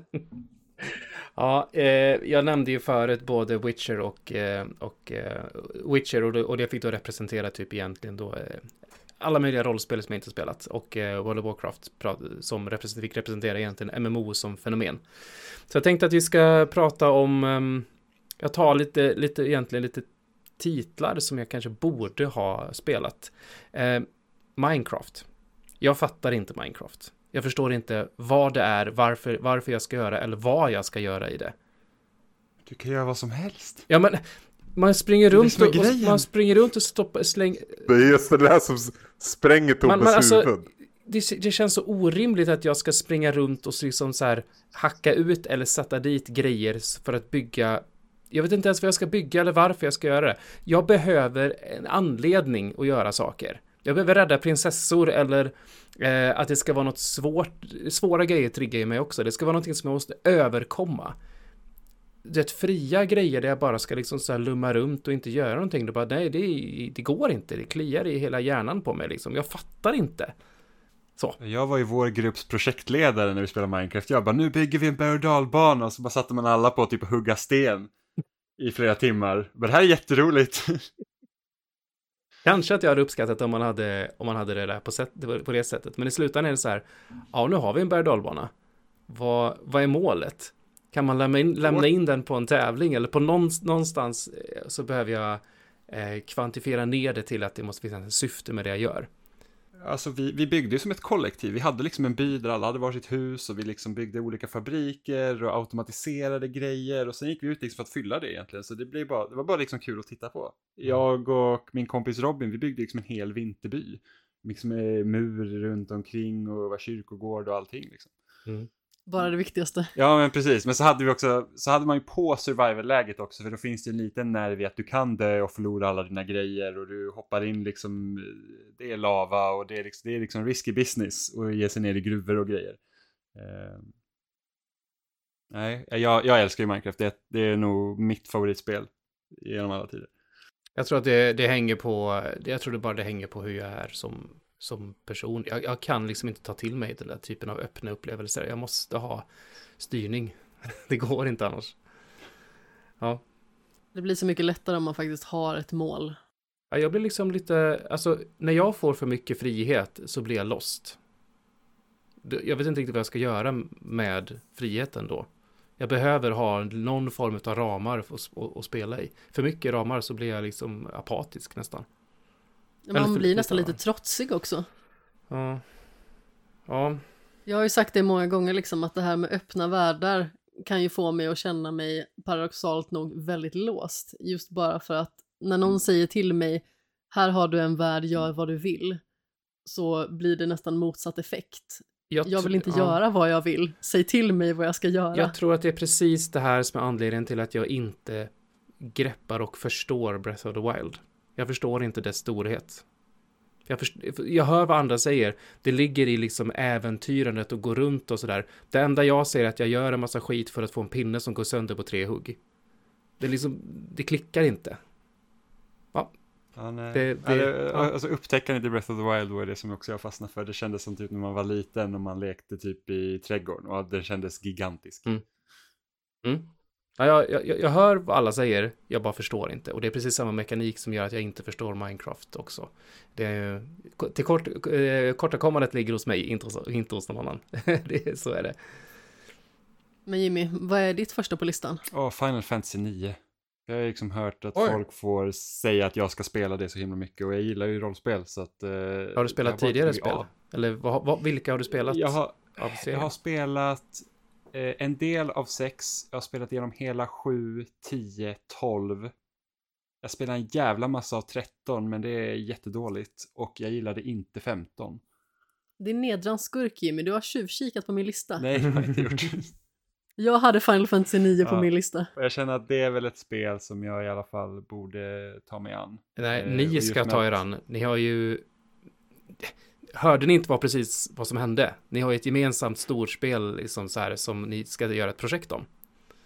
Jo, jo, men precis. Och ett spel som är fullt liksom möjligt att spela igenom tillsammans också. Mm. Och uppleva tillsammans. Ja, men definitivt. Alltså, Det- när det gäller Final Fantasy så är det bara fyran som jag har klarat helt och hållet. Jag har spelat en del av sexan, jag har spelat en del av sjuan. Sen naturligtvis har jag ju klarat Final Fantasy 7-remaken. Och jag vet inte om jag har ens nosat på Final Fantasy 9, men det är liksom ett sånt spel som många säger liksom är på något sätt summan av Final Fantasy-kardemumman. Old, old school Final Fantasy, ja, precis. När det gick ifrån PS1 till PS2. Det är liksom, det är det bästa av det innan där. Ja. Ja, det är en så stor hyllning liksom till de tidigare spelen, så det känns ju liksom som en upplevelse som man borde ta del av, plus att många säger liksom att alla karaktärer är väldigt fantastiska och älskvärda. Mm. Det är de. Ja, alltså. det var ju det mest Final Fantasyska av Final Fantasy-spel. Skulle jag vilja påstå. Det, det, det, hela, hela konceptet är ju också att knyta an till vad som hade varit tidigare. Snarare att man ville liksom göra steampunk eller något alternativt igen. Så ville man liksom hedra rötterna lite. Så det, det, på så sätt så blir det också lite ett samlingsalbum över vad Final Fantasy var vid den här tidpunkten. Det är ett jävla kanonspelare. Då bollar jag tillbaka till dig, Anders. Jaha, typiskt. Nej men nu har jag fått fundera lite och jag kommer inte nämna ett spel sådär. Men jag känner liksom en genre som jag inte har kommit in och förstått tjusningen i i samma utsträckning som många av mina ja, men, kollegor och vänner och ovänner också för den delen. Eh, peka-klicka-genren. Och då tänker jag på, alltså eran som den är mest liksom känd är väl ändå fortfarande LucasArts The första Monkey serie. Island. Eh, Så, och Day of the Monkey Ten- Island, det är alltså Ja, 90-tals... Day of the eh, Tentacle och... Ja. Exakt, och uh, Fate of Atlantis också för den delen. Mm. Alltså den typen av klicka, peka-klicka-spel är jag liksom i stort sett noll. Jag, jag spelade Monkey Island 1 och 2 när det kom på remake. De jag spelar, jag spelar jävla Rosa Panten, Resa på egen risk. Och ja, så spelar vi det här Broken Sword i Retroresan. Det är liksom det. Måste du spela så inte, mycket men- mer än det? Nej men just typ Day of the Tentacle och Fate of Atlantis är ju liksom högt, högt upp på allas listor. Jag skulle liksom vilja testa det här men det känns ju så jävla gammalt att sitta och peka och Det är det och det är extremt obskyra lösningar och det är liksom det fina, de fina minnena kommer i mångt och mycket av att du, du sitter och tragglar detta i flera veckor tills du kommer på saker och sen så blir det så här, åh, men det är ju liksom rosa skimrande glasögon skulle jag säga i mångt och mycket på det. Ja det låter inte så appealing i mina Nej, öron så nu. att antingen liksom så ha, alltså att du skulle sätta dig och spela med guide, ja det skulle ju vara en upplevelse men det skulle ju inte vara den rätta upplevelsen om man säger. Alltså det tar bort lite av skärmen Nej. och sen så får du hjälp med ett pussel då är det jävligt lätt att trilla dit och titta liksom resten också. Ja, Japp. Men sen är det ju liksom också så att när man är vuxen och inte har liksom kanske samma tid eller möjlighet att förkovra sig i den typen av spel, eller man kanske har det, men man kanske har andra saker som man vill ägna sitt liv åt också, så blir det ju liksom svårt att acceptera de här otroligt märkliga lösningarna. Jag vet ju för några år sedan Tobbe så spelade ju du och jag Full Throttle Mm. på en Retroresan meetup. Mm. Och det är ju liksom sådana lösningar som att ja, men dra i det här snöret så kommer en banan och du ska trycka in den här bananen i det här hålet här och då ska det sägas att, Full Throttle är ju väldigt, väldigt liksom så här eh, streamlinat i att det, det är inte så mycket skavanker som liksom är svåra att, att klura ut. Utan liksom... Förutom den här förbannade bildelen. Kanske det var. Men alltså, sä, säg att du ska spela Maniac Mansion eller Day, Day, of, the, Ten- eh, eller Day of the Tentacle idag. Det, det är ju weird alltså. Eh, Mm, Man måste typ vara i samma mindset som den som gjorde pusslet. eh, ja, Liksom man måste ungefär. veta hur den tänker. Då... Men det finns ju några nya, eller nyare peka-klicka-spel som är ändå helt okej. Typ uh, Machinarium eller... eh, Ja men precis, den nya, nya liksom skolan av peka-klicka-spel. Och, och det, det är Ja. väl nästan som man skulle kunna kalla att säga så här, A Life is Strange, är det ett peka-klicka-spel? Ja, ish, ja, första, Mm. första säsongen av Walking Dead är ju mer åt det hållet. Och sen Mm. blir det ju mer eller mindre glorifierade mellansekvenser egentligen. Ja men precis. Eh, För det, Telltale-spel i allmänhet är ju lite mer åt det hållet. Ja, de använder väl peka-klicka som egentligen ett medium, men gör det ju väldigt enkelt, bara för att det ska bli Ja. någon form av interaktivitet i det. Men det är ju inte alls liksom kärnan av gamla peka-klicka-spel som bara, det hade ju någonting annat som de ville ha. Eller de- de gav. Och sen har vi det nya Monkey Island som kom i höstas. Just det, det har blivit jättehyllat. Mm. Men jag vet inte hur bra, hur mycket man får ut av det om man inte har någon relation till de gamla. Fast Anders hade väl spelat de två första? Ja, För varenda jävla recension man, man läser eller hör om har ju en varm relation till originalspelet. Men du hade det väl Du höra hade väl en- spelat remakesen av 1 och 2? Ja, precis. och det- på det räck- Xbox det- när de, när de kom. Och det räcker. Okej. Mm. Mm. Eh, jag klämmer i med eh, Starcraft 2. Där jag spelade otroligt mycket Starcraft 1 och dess eh, DLC Brood Wars eh, på 90-talet när jag gick i gymnasiet och sådär. Och eh, alltså spelade skitmycket. Eh, och sen så kom tvåan och jag var jättehype på det. Köpte det, för det kom ju så här i, i, i tre olika vad ska man säga, det var ju episodbaserat mer eller mindre då. Så de tre olika raserna fick varsin kampanj som kom en i taget i samband med att de patchade spelet och hade sig sådär. Men ehm, eh, det blev aldrig att jag spelade, för det var ju precis i en tid där jag hade flyttat hemifrån och eh, ja, vin, kvinnor och sång var väl en ganska, du, du sa det innan, men det, det var ju någonting som var ganska, var, var ganska där då. Det var också mitt i min piratande av spelperiod så att man hade alla spel i hela världen på alla konsoler, eh, vilket gjorde att man inte spelade någonting. Så att jag, jag hade några dark years där, där jag inte spelade egentligen speciellt mycket, men samtidigt spelade jag mycket för att man testade och flummade runt mest, men det blev inte liksom inte något klarande av spel. Så Starcraft 2 är definitivt ett spel från den eran där som jag borde ha spelat, tycker jag. Eh, Vin, kvinnor och sång, ett starkare koncept än Starcraft 2. ja, det, det är kontentan av det definitivt. Mm? Jimmy? Eh, och mitt nästa spel det blir nog Paper Mario The Thousand Year Door. Eh, Som jag Oh. inte har spelat och GameCube är ju typ min favoritkonsol. Eh, Mm. Och jag har ju spelat de flesta av Nintendos stora spel till den konsolen men det blev inget med Paper Mario och alla säger att det här spelet är så fantastiskt. Eh, Det är nog peak per Paper Mario. Om det inte är 64-spelet. Men jag tror fan det är peak Paper ja, Mario. jag spelade det här Origami King som kom till switchen vilket jag tyckte var Ja. helt okej. Eh, men det, ja. Så det, det känns som att jag har Det har missat inte jag något där. Alltså striderna är skittråkiga i Ja. Origami King. Alltså det, det är typ skärmen runt omkring som är roliga, men striderna blir fan tradiga snabbt. Mm.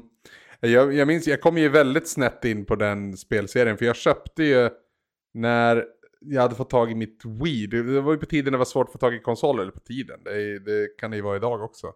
Eh, men när jag började spela Paper Mario till Wii. Så trodde jag att det var ett plattforms-Mario jag skulle börja spela. Ja. Och sen liksom det sakta men säkert så gick det upp för mig att nej, det här är inte liksom 2D-plattformare bara i alla fall. Även om det har den, liksom, den kostymen och du hoppar ju fortfarande på dina fiender så, så är det ju det är en, betydligt mer rollspel i grunden. Eh, och sen har jag liksom backtrackat och spelat Super Mario RPG och spelat eh, 64-spelet och GameCube-spelet. Och allt, alla de är ju bra. Men det, sen har det inte varit så bra, tycker jag. Mm. Mitt nästa så kommer ju Jimmy att kasta kottar på mig, men det är Super Mario Galaxy.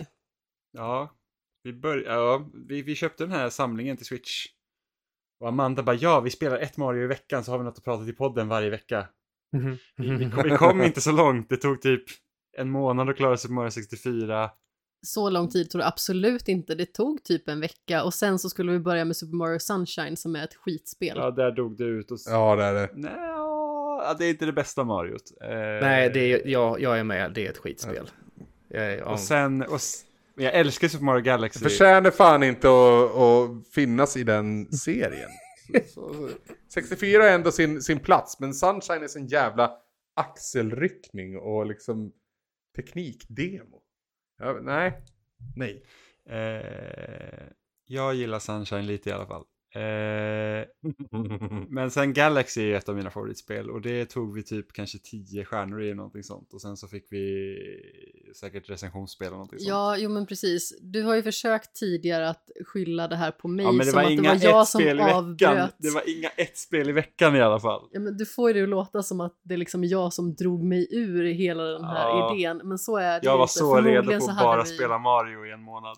Förmodligen så hade vi ju någonting annat som var liksom högre prioritering på att spela, vilket naturligtvis gjorde att vi tappade det. Så som det är så himla lätt att göra, i alla fall för egen del. Och sen så har vi liksom inte kommit tillbaka till det.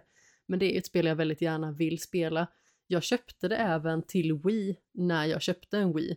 Det var ju så att eh, Playstation 3 var den första konsolen jag ägde. Och den skaffades 2013. Så det var ju ganska så sent. Det var ju samma år som Playstation 4 kom liksom.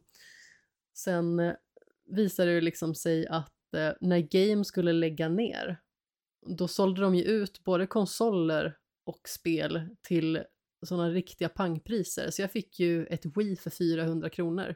Oj. Så då köpte jag ju bland annat Super Mario Galaxy och lite annat blandat småhopp liksom. Eh, och då skulle vi spela det, men jag fick spela den här lilla markören, spelare 2 är, och somnade. Och man vill inte vara spelare två i Galaxy. Det Nej. Jag kan säga att eh, Nej. jag somnade av en anledning. Ja, det är en skymf att kalla det för spelare två egentligen. Men då är vi inne på sista varvet, Anders. Vad säger du? Mm. Nu blir det svårt. Nej, alltså jag vet inte. Jag, jag... På något vis, i vissa spel känner man att man varit lite orättvis mot. Och jag, jag, jag, i och med att jag har älskat Hades under sån intensiv period nu på liksom flera år. Och liksom sitter och svettas bara på tanken om att ett Hades 2 är i görningen. Eh, så blir jag ju också intresserad av att blicka bakåt i Supergiant Games. De heter Supergiant Games, för jag blandar inte ihop. Nej, det är sant. Ja, vad bra. Eh, Men jag jag vet att jag spelade liksom Transistor och föll för den fantastiska presentationen och framförallt musiken. Musiken är Underbar. helt fantastisk. Och det soundtracket följde med mig mycket längre än vad jag Och stannade temat i till spelet. PS4. Och Det är Ja, svinbra också. snyggt. Det är liksom det, är det och Firewatch som har roterats, kan jag säga. ja, Fire, Firewatch är också Ja. toppen. Eh, toppen. Ja. Nej, så jag, jag, jag tror att någon sån typ av uh, lösryckt grej får liksom, där jag sitter nu så att säga, var min tredje del på den här listan. Supergiant Games är ju väldigt starka på det sättet att de har ju otroligt spännande idéer. Där de liksom har vandrat igenom väldigt olika genrer med de spelen de har kommit med. Mm. Det är ju lite därför jag har Mm. känt mig någorlunda kluven till Hades 2. Just på grund av att det känns så himla okaraktäristiskt för studion att komma med en uppföljare. Men sen med tanke på liksom den genomslagskraft som Hades hade så är det liksom inte så himla konstigt att man liksom vill fortsätta på den banan. Samtidigt som jag ändå kan känna liksom att jag, jag hade varit sugen på att se vad de skulle göra härnäst. Jag med. Och jag är den första som liksom uppmanar till att folk inte ska fastna i liksom ett, ett sound eller ett koncept utan liksom försöka att hela tiden hitta inspiration. Ja, så va. Men, men Hades var ju också på något vis summan av allting de hade gjort dittills. Det var liksom en, en ja men ett kapitelbyte på något vis. Eh, för att det är, så, det är fulländat som spel.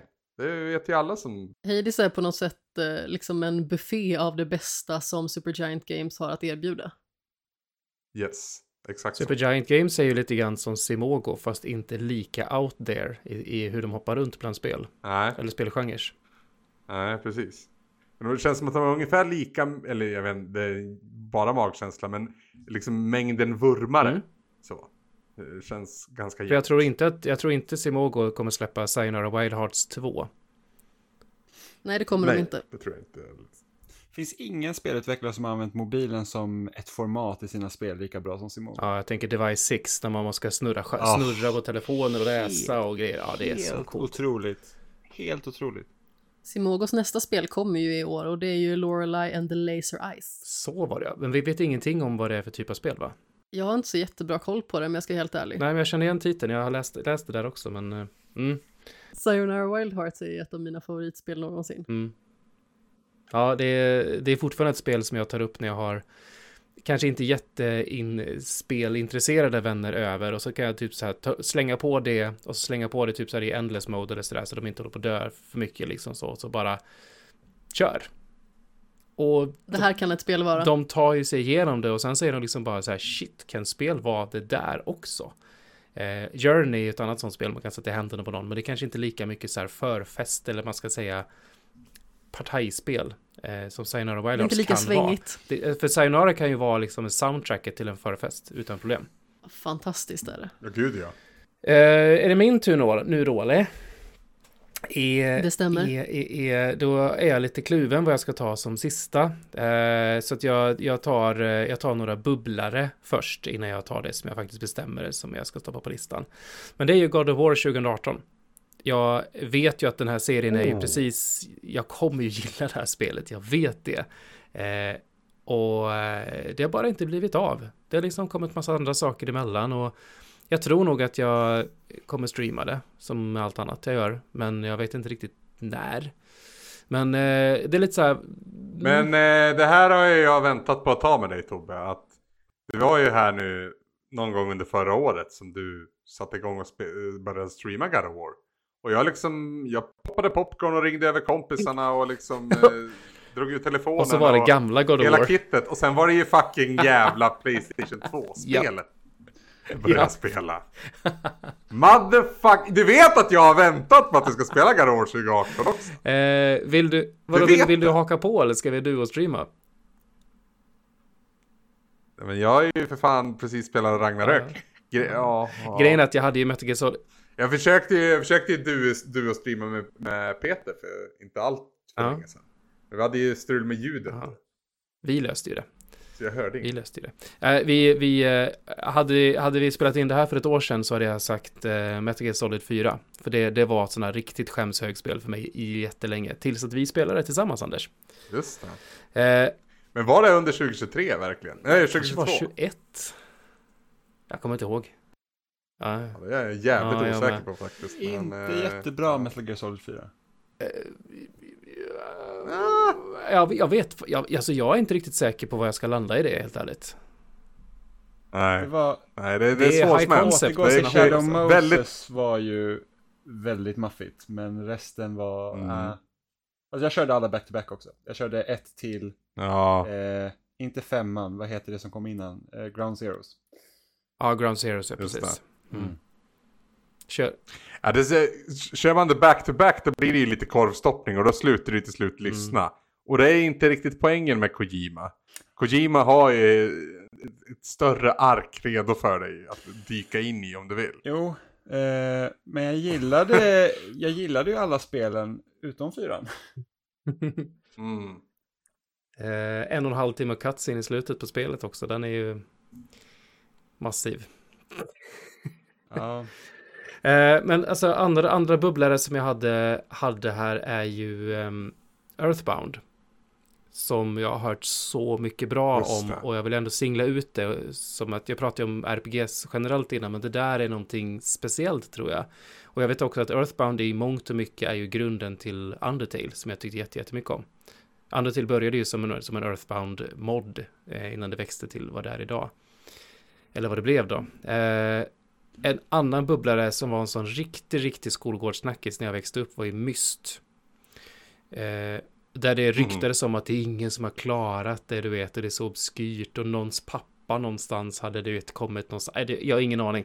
Jag vet inte vad Myst är om jag skulle titta på det- på det i dagens ögon. Men jag känner att jag har missat någonting där. Men det, det spelet som jag väljer att stoppa in i listan är faktiskt Majora's Mask.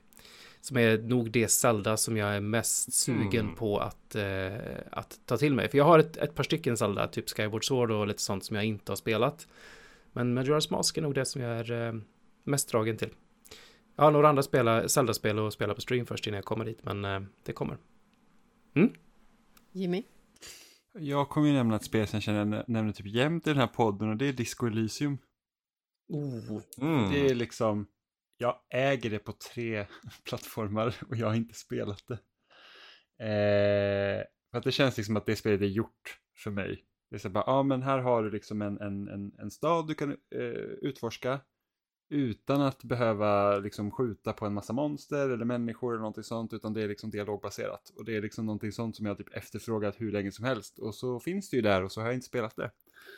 Du är en försupen detektiv som är sämst på allt. Ja, men precis. Det är liksom superintressant spel och liksom väcker många stora frågor och, och, och sånt. Eh, och det är precis det jag vill ha. Och så har det bara blivit att jag inte har spelat det. Även jag har börjat på det i alla fall. Mm. Men eh, sen så var det ju det här att det kom ett spel i vägen. Lite olyckligt. Och sen så, Disco Elysium är inget spel som man bara skuttar tillbaka in i hur som helst och hoppas att man ska komma ihåg allting. Nej, det, gans, det, det, inte lätt. kräver någonting av Jag har inte spelat det själv, men det krä, jag har uppfattat det som att det kräver någonting av dig som spelare. Det kräver din uppmärksamhet och det kräver din tid, för det är väl inte jättekort va? Nej, jag tror det är typ 30 timmar eller Mm. något sånt. Och då gäller det så att då måste man också vara på det humöret för att börja spela det. Och jag vill liksom inte hamna i den situationen att jag börjar spela och känner att nej, det här var inte rätt tillfälle och sen så blir det ingenting. Har ni också en sån här eh, lista på typ filmer som man vet kräver mycket av mig som, som, eh, som tittare? Som jag känner så här, jag ska ta det när tillfället är perfekt och jag liksom är på bra energi och liksom orkar ta till mig det här och är ostörd och sådär. Och sen så blir det att den listan bara växer och växer och växer och sen så blir det aldrig av. Jag, jag funkar mycket som med film, att jag vet att det är så krävande att göra det och spel ska vi inte tala om. Disco Elysium hänger ju, är ju också som spel som är på den listan liksom. Det är någonting speciellt också med en viss typ av genrefilm. Där, där man liksom nästan på förhand kan se att det här kommer bli jobbigt att ta Ja. sig igenom. Men man ändå är intresserad av det. Precis så. Eh, och just den typen av genre hamnar ju på en viss hyllplats. Och den är man inte och gräver i jätteofta. Jag önskar att jag gjorde det mer. Men...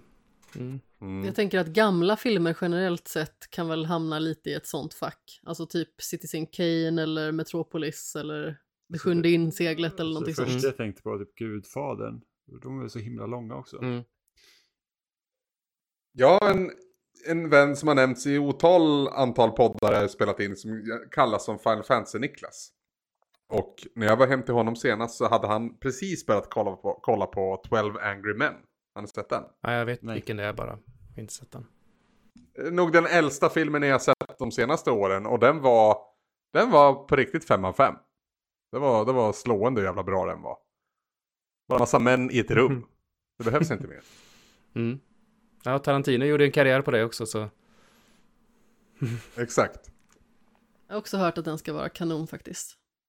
Då har vi min sista på den här listan och det här är ju definitivt ett spel som jag tror att allmänheten tycker att man ska spela men som jag inte har spelat och jag tror att det är nog kanske mer självvalt än att det liksom har blivit att jag har velat spela det men att det inte har blivit av. Och det är The Legend of Zelda Breath of the Wild.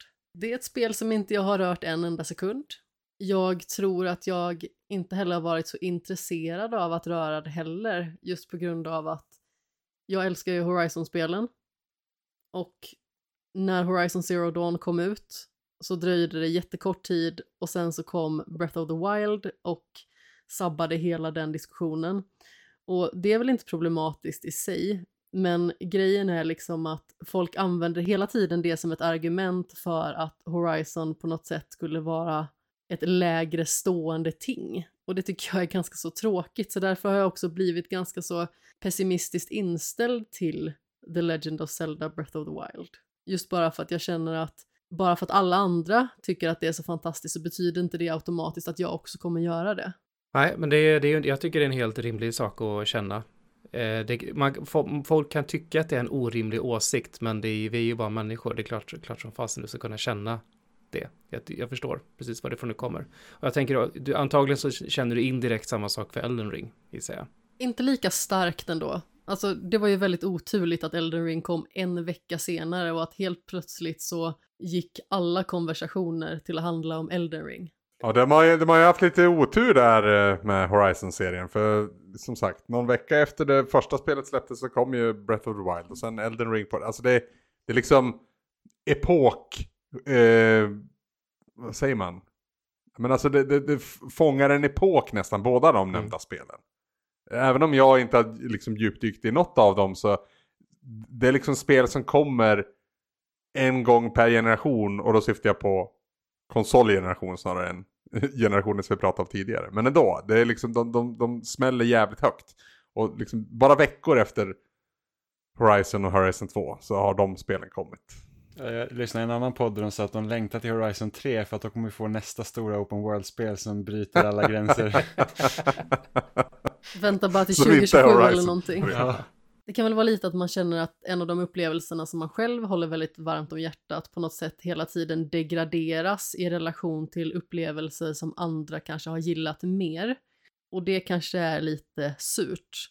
Men samtidigt så har jag liksom inte riktigt jag har inte liksom känt den här dragningskraften till spelet heller som jag tror att många har gjort.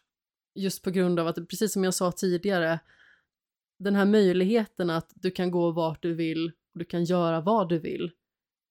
Det är liksom inte lika starkt för mig som det är för många andra. Jag gillar ju att faktiskt ha ett uppdrag på något sätt. Jag är helt med dig. jag är där med. Ja, det är bra Tobbe. Och sen så gillade du ju Elden Ring, kanske ganska så halvmycket. Eh, ja, det, ja, men jag vill, jag vill samtidigt inte riktigt knappt säga att Elden Ring är ett open world-spel, fastän att det egentligen är nog det. Men det gör, det gör open world på så himla annorlunda sätt än vad pluppsamlande är. ja, det är inget Assassin's Creed. direkt. Nej, Det är verkligen bara, här inte. är allt. Du kan knappt se din karaktär på kartan, för det finns så mycket här. Och aldrig glömma när man öppnar Assassin's Creed Unity och så bara, jag ser inte vart min karaktär står någonstans. Ja. För att det var liksom överfullt. Ja, och man kan ju definitivt säga att Horizon Forbidden West gjorde ju inte sig själv några tjänster när det var så extremt stort som det var. Även jag kan ju känna att det är lite för stort. Mina vänner, ska vi gå in på Snuttemedia? Mm.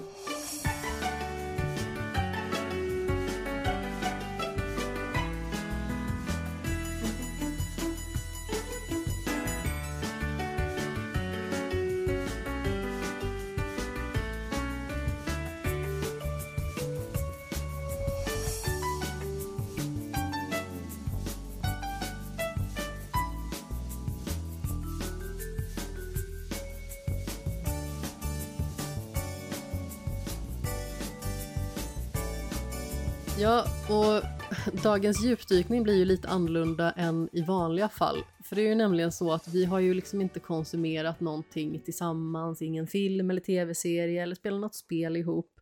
Utan vi har ett ämne som kallas för snuttemedia. Och eh, det är ett begrepp som faktiskt den gode Tobbe etablerade för mig för något år sedan.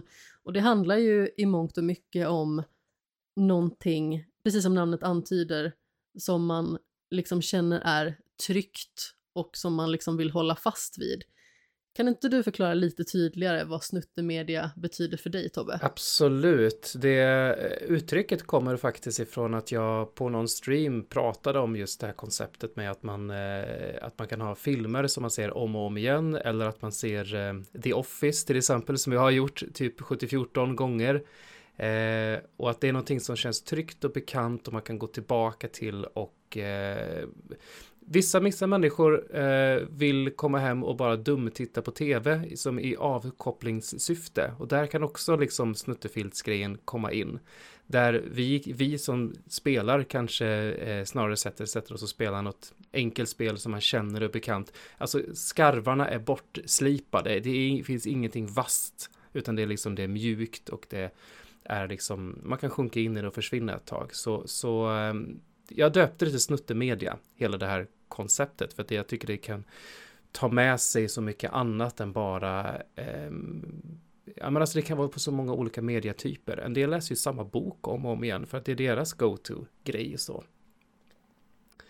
Det är väl egentligen vad konceptet är. Ja men precis. Mm. Det är någonting som är omfamnande och lättillgängligt och som man liksom bara kan konsumera om och om igen utan att egentligen tröttna på det. Mm. Precis. Eh, jag kan dra ett exempel på, eh, på det här. Min mamma, eh, när jag växte upp, eh, hon var ju inte lika intresserad av spelen, men nästan lika intresserad av spelen som jag var. Men jag hade ju som när man är barn eh, mycket mer tid att spela. Men hon hade ju liksom sina grejer. Hon älskade ju Zelda till exempel och eh, spelade Zelda 1 och 2 och 3 då om och om och om igen. Eh, eh in, inklusive då tvåan som är då betydligt mer, vad ska man säga, fingerfärdighetsutmanande än vad kanske de andra är.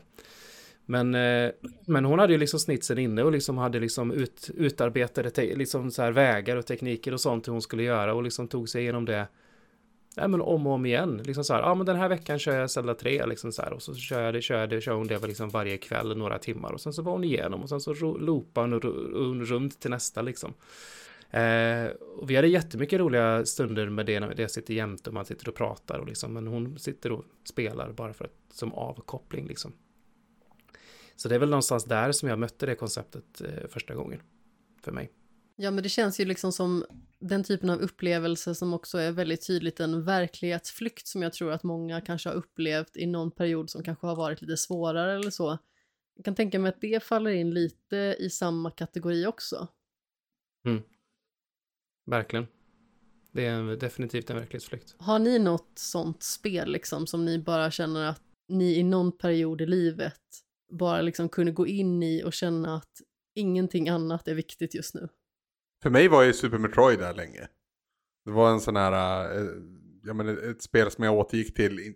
Jag sa väl i någon jävla podd någon gång att jag återgick till varje, det var, det var inte varje sommar. Men det var ändå med liksom så här jämna sekvenser. Som jag spelade Super Metroid och det, det var liksom. Det spelet var så mycket mina tonår också. Och den här epoken när man liksom gick från att liksom det blev, ett, det blev ett mycket vuxnare spel för min egen del. Jag växte upp genom det. Eh, så att det finns otroligt mycket nostalgiskimmer kopplat till det här jävla spelet. Sen, sen råkar det ju vara kanske världens bästa spel dessutom. Det är fantastiskt på alla sätt. Ja, du har väl nämnt, du, du har ju definitivt nämnt det som sommarspel och du, du har också sagt att du har haft sådana här, eh, du förknippar Super Metroid med liksom så här sommarnätter. Lite lätt svettiga mm. sommarnätter och sådär. Mm, mm. Så är det. Men ni har inte Fifa varit det för dig då? En snuttefilt definitivt. Hades, Hades också. också. Alltså det... Ja, ni, som... Du känner ju mig privat, eller ni, ni känner väl alla mig privat i, i varierad utsträckning, men jag har ju under de senaste åren haft, hållit på att trilskats med en ganska familjär eh, problematik. Om vi uttrycker så. Så att jag, att jag under samma period har spelat ett spel om och om igen som går ut på att spöa din farsa. Det finns ju, ett, finns ju någonting där. Det, det, det, det, är inte jag blind för heller. Så. Men, eh, men definitivt Hades har varit en snuttefilt och det är så mycket enklare för mig att spela lite mer Hades än att testa någonting annat. För att jag tycker att det fortfarande är så jävla roligt. Och det är aldrig likadant. Men det är ju också så att när man ska ge sig in i en ny upplevelse, då finns det ju på något sätt också ett litet mentalt hinder. Du måste bestämma dig för att du ska spela, du måste starta ja. spelet och du måste också förstå grejen med spelet när du väl börjar. Så att återvända till någonting som känns tryggt, där du vet liksom var de olika hemligheterna ligger för någonstans, eller du vet hur du ska göra för att ge den här bossen på nöten. Det känns så himla mycket lättare och det är så mycket mindre besvärligt kliv att ta när det gäller underhållning. Jag hade ju ett sånt spel som jag har nämnt väldigt många gånger i den här podcasten. Och eh, det var ju framförallt när jag var mellan 12 och 16 år gammal.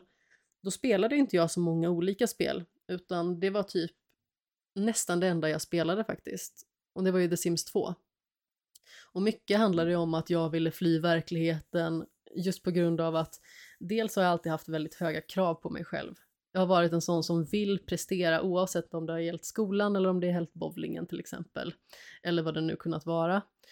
Och när man liksom dels satsar på en sport och dels så kanske man har problematik med annat i skolan jag var ju utsatt under väldigt många år för mobbing till exempel. Då behövde jag liksom någonting som var något helt annat i relation till liksom den här stressen och pressen som man kanske satte på sig själv. I samma veva där fick min mamma dessutom cancer, så det var ju liksom ytterligare ett lager på det hela som gjorde liksom att stressnivåerna höjdes så otroligt mycket. Och när man går in i ett spel som The Sims 2 där man liksom själv får skapa sin verklighet, man, man skapar själv sina regler, man kan bli vad man vill, man kan göra vad man vill, bara ens egen fantasi sätter de gränserna i det spelet. Och du skapar en karaktär, du kanske skapar fem karaktärer, du bygger hus, du skapar olika typer av karriärer, du skickar dina simmar till universitet och så vidare. Alltså hela den biten där man liksom nästan lever ett parallellt liv med fiktionella karaktärer. Det betydde så otroligt mycket för mig. För att dels så handlade det ju om att det var ett bekvämt sätt att uttrycka sin kreativitet, men också så var det ju liksom ett sätt att slippa handskas med allting som liksom var på utsidan som faktiskt var svårt. Så The Sims 2 har ju under den perioden varit så otroligt viktigt för mig. Och försöker jag spela The Sims idag så är det betydligt knivigare i och med att dels så spelar jag ju på konsol och The Sims 4 på konsol är inte nådigt. Jag skulle egentligen behöva sätta mig på en PC. Men samtidigt så känner jag att jag är liksom inte den personen längre och jag är inte den spelaren längre. Jag hade velat komma in i ett flyt där jag liksom skulle kunna sitta tio timmar i sträck och bara spela The Sims när jag är ledig. Men jag har svårt att tro att jag någonsin liksom ska komma in i det på det sättet igen. Antagligen så får det vara en, eh, en känsla du har från en tid, en svunnen tid. Och det kanske är bäst så. Det kanske inte alls skulle kännas likadant att sätta sig vid det nu. Nej men precis, alltså det kommer ju komma ett The Sims 5 om några år, eller om något år kanske bara. Och det är ju klart att jag kommer ge mig på det och då kanske det är mer anpassat för att kunna spelas på dagens konsoler också. Mer än vad tidigare spel var egentligen. Men eh, på något sätt så ser jag ju tillbaka på The Sims 2 just med sån otrolig värme. Dels så är det ju ett av mina favoritspel någonsin, men dels så betydde det så mycket mer för mig än många andra spel har gjort. Just bara för att det gav mig någonting. Det gav mig liksom den här tryggheten.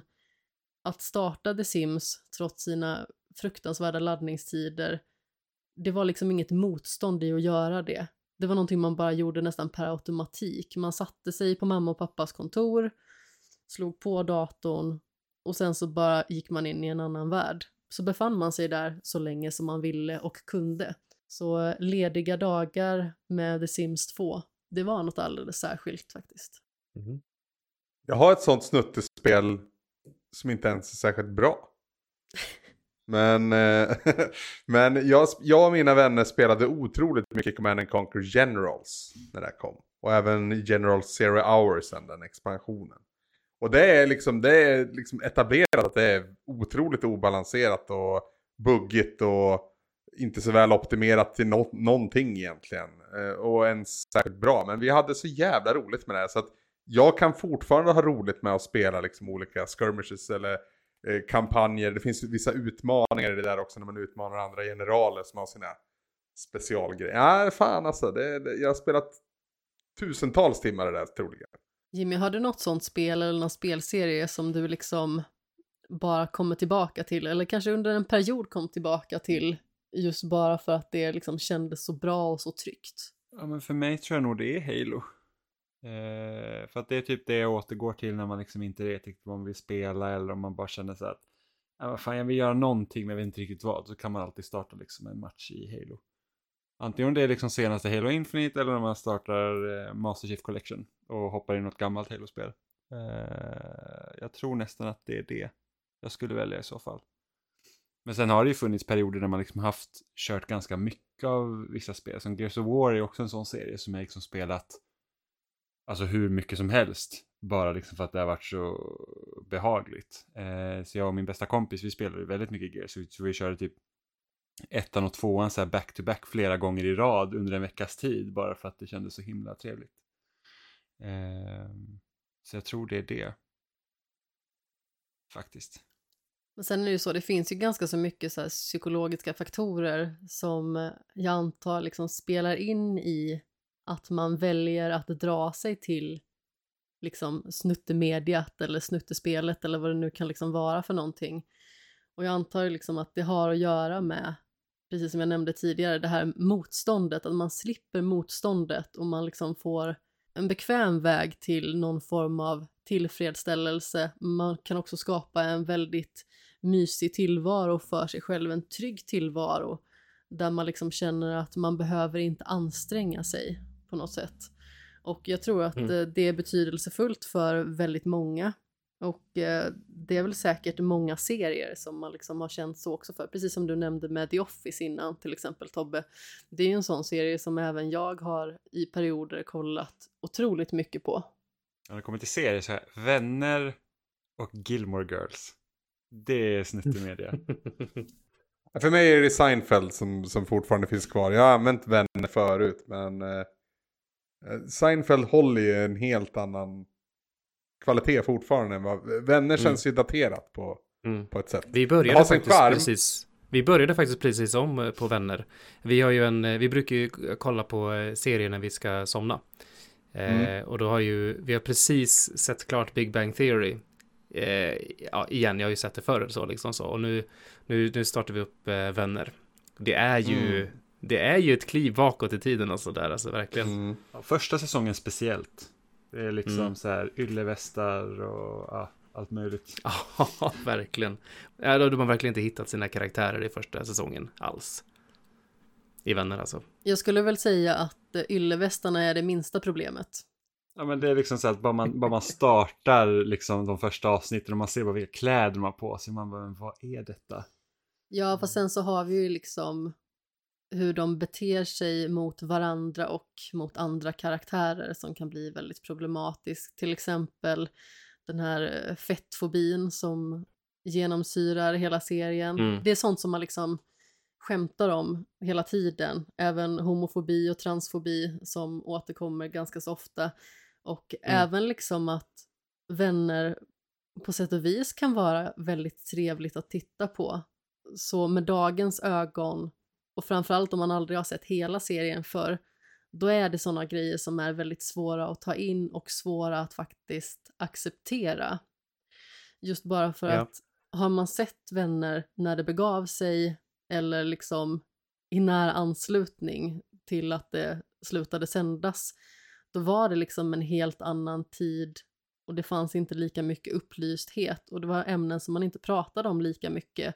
Men när man ser det idag så är det mycket som är problematiskt och det är svårt att förbise helt enkelt. Mm. Eh, jag, jag såg aldrig Two and a Half Men när det gick. Eh, det, det liksom, då, då, då, tittade inte jag på tv när, när det gick om man säger så. Och det var ingen serie som jag sökte mig till att liksom titta på online eller så heller. Men eh, vi, eh, vi har eh, konto på Amazon Prime. Eh, av massa andra anledningar, men det, då får man också med hela deras Prime-utbud på, via streaming. Och den finns där. Så vi har liksom börjat kolla på den, typ så här, men vi, ibland så jobbar vi hemma båda två och då liksom kollar vi på något avsnitt på lunchen. Och ja, just det hur serier har åldrats. Jag vet att den serien är från någonstans 2003 eller något sånt där, något i den stilen. Det var ju världens största sitcom var det också, ett tag. Det var ju det, var ju det. Eh, och, och jag har ju liksom alltid ratat den i mitt huvud som att det är någon riktig sån skräpgrej. Men jag är jätteförvånad över Alltså det är nästan som man skäms lite över att säga att jag gillar det jättemycket det jag ser nu. Och, jag, och jag, det är liksom så här, det var något avsnitt som handlade om ehm, Eh, ja men du vet, de var tvungna att spela gay för att han skulle få något kontrakt hit och dit och här. Och det var liksom så här bara, oh, det här kommer gå riktigt dåligt. Eller så här Charlies, någon gammal dejt som sen har bytt kön och blivit kille. Så här, och då tänkte jag också så här att shit, det här kommer bli så dåligt. Men nej, det, liksom, det funkade ändå. Det var ändå respektfullt och det gjordes även med liksom om man har dagens ögon på det så var det inte, det var liksom helt okej okay gjort. Eh, och, Va, hur långt in har det kommit då Tobbe? För, vi är, vi är någonstans i andra, säsong, andra säsongen nu och ja. det gör ju en markant eh, liksom förändring in i andra säsongen där det börjar ta ja. upp väldigt mycket mörkare ämnen och blir, och blir inte så glättigt. Det är det glättigt på ytan men under så tar de upp jättemycket svårare ämnen. Jag vet inte vad det tar vägen sen. Det kanske går liksom all in glättighet. Det är någonstans liksom där under säsong någonstans under säsong två och tre så ja, började hjulen falla av så att säga. Mm -hmm. Och det blev mm. lite för mycket Charlie Sheen show och samma skämt om och om igen. Men ja. det fanns ju någonting där från början. Det tycker jag, det, det, är kul att du lyfter det, för det är en sån här grej som folk inte pratar om idag. Att liksom ge den, ge den serien lite cred.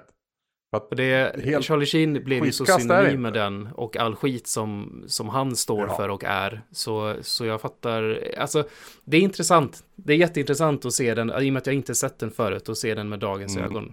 Så.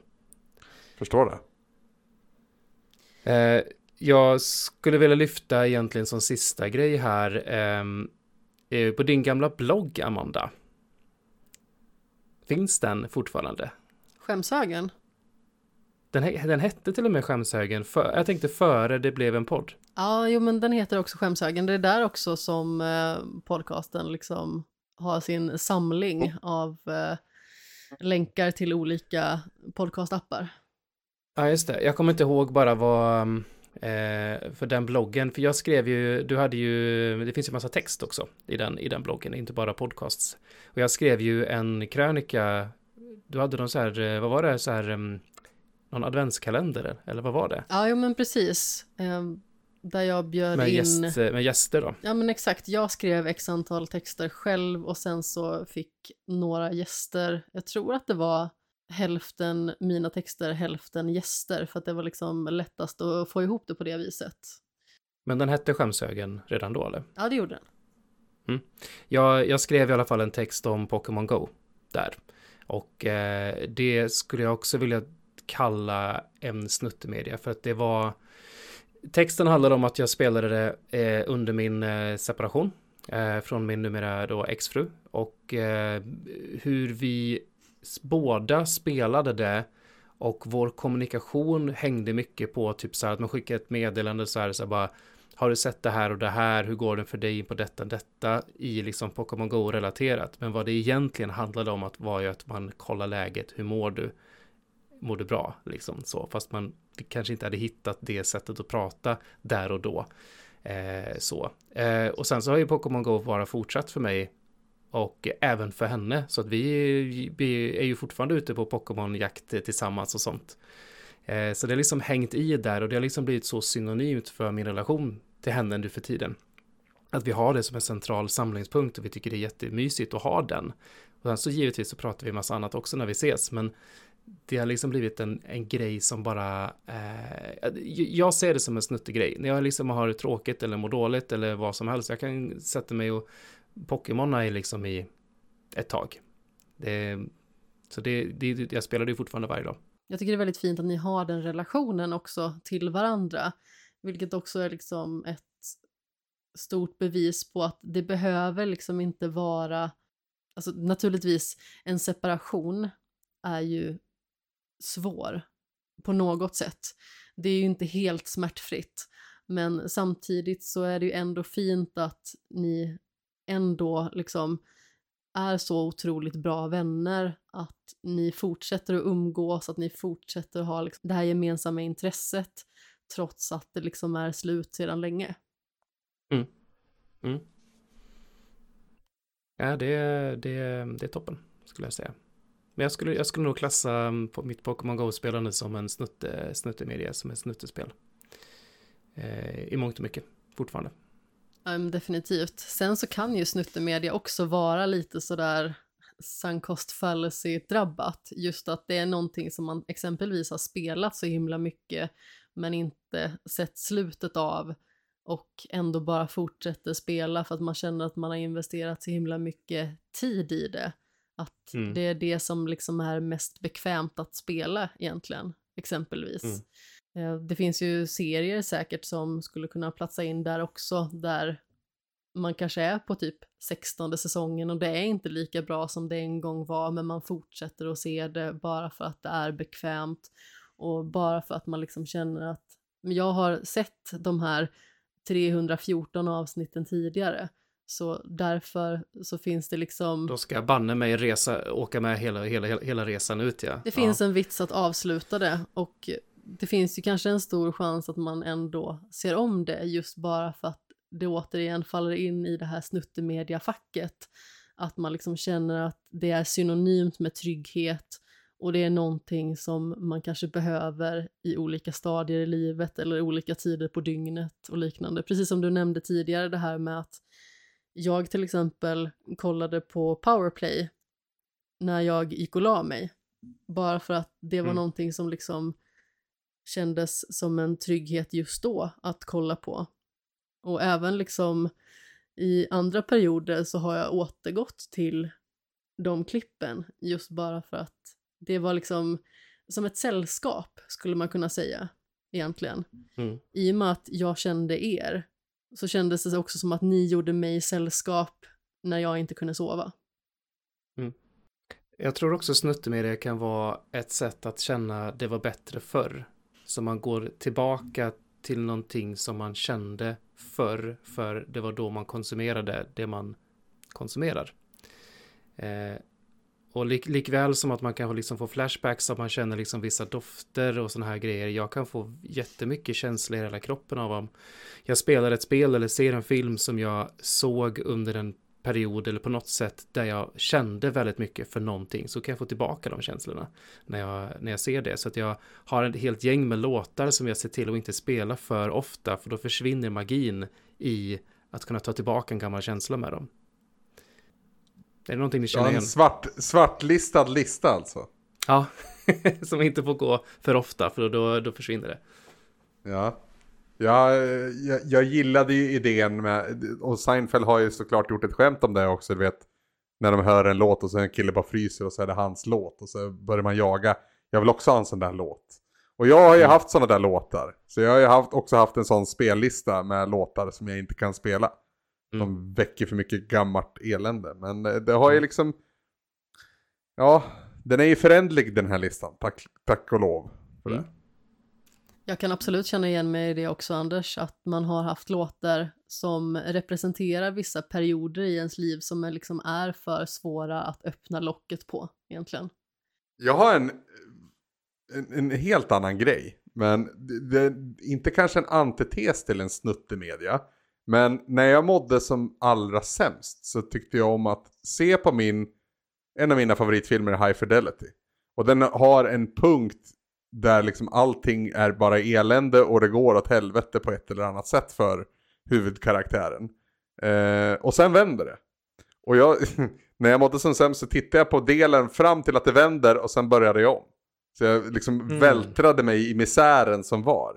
Så det, ja, det var inte så mycket snutt. Men, men eh, lite samma förhållningssätt ändå. Även om det liksom inte är någonting som är snuttigt, liksom sådär att det är rosa fluffigt, så finns det ju ändå något snuttigt i att titta på den biten om och om igen.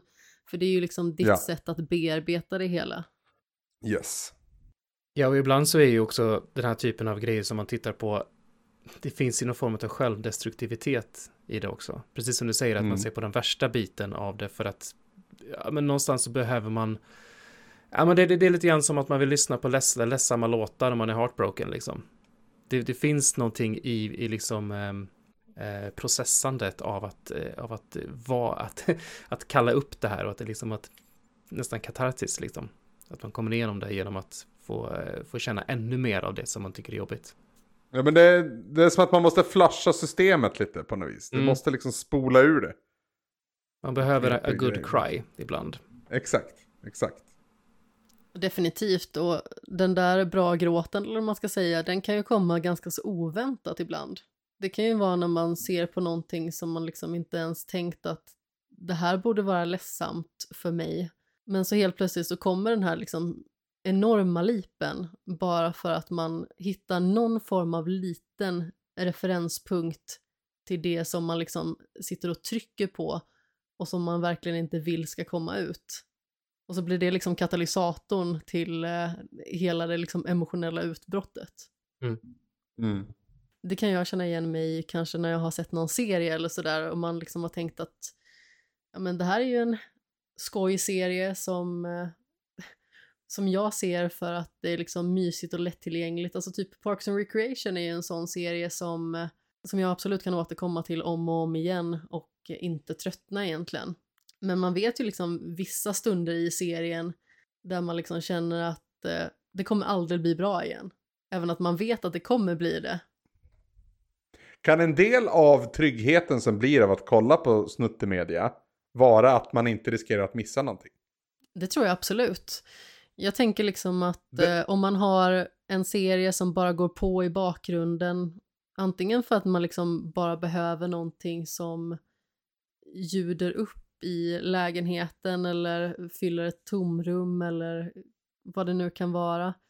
Alltså det är någonting som man kanske har upplevt så många gånger att man vet exakt vad som händer. Så då gör det ingenting om man går runt och städar samtidigt eller om man sitter och ritar eller vad man nu kan göra. Men bara känslan av att det finns där i bakgrunden tror jag betyder mer än vad man kan tänka sig.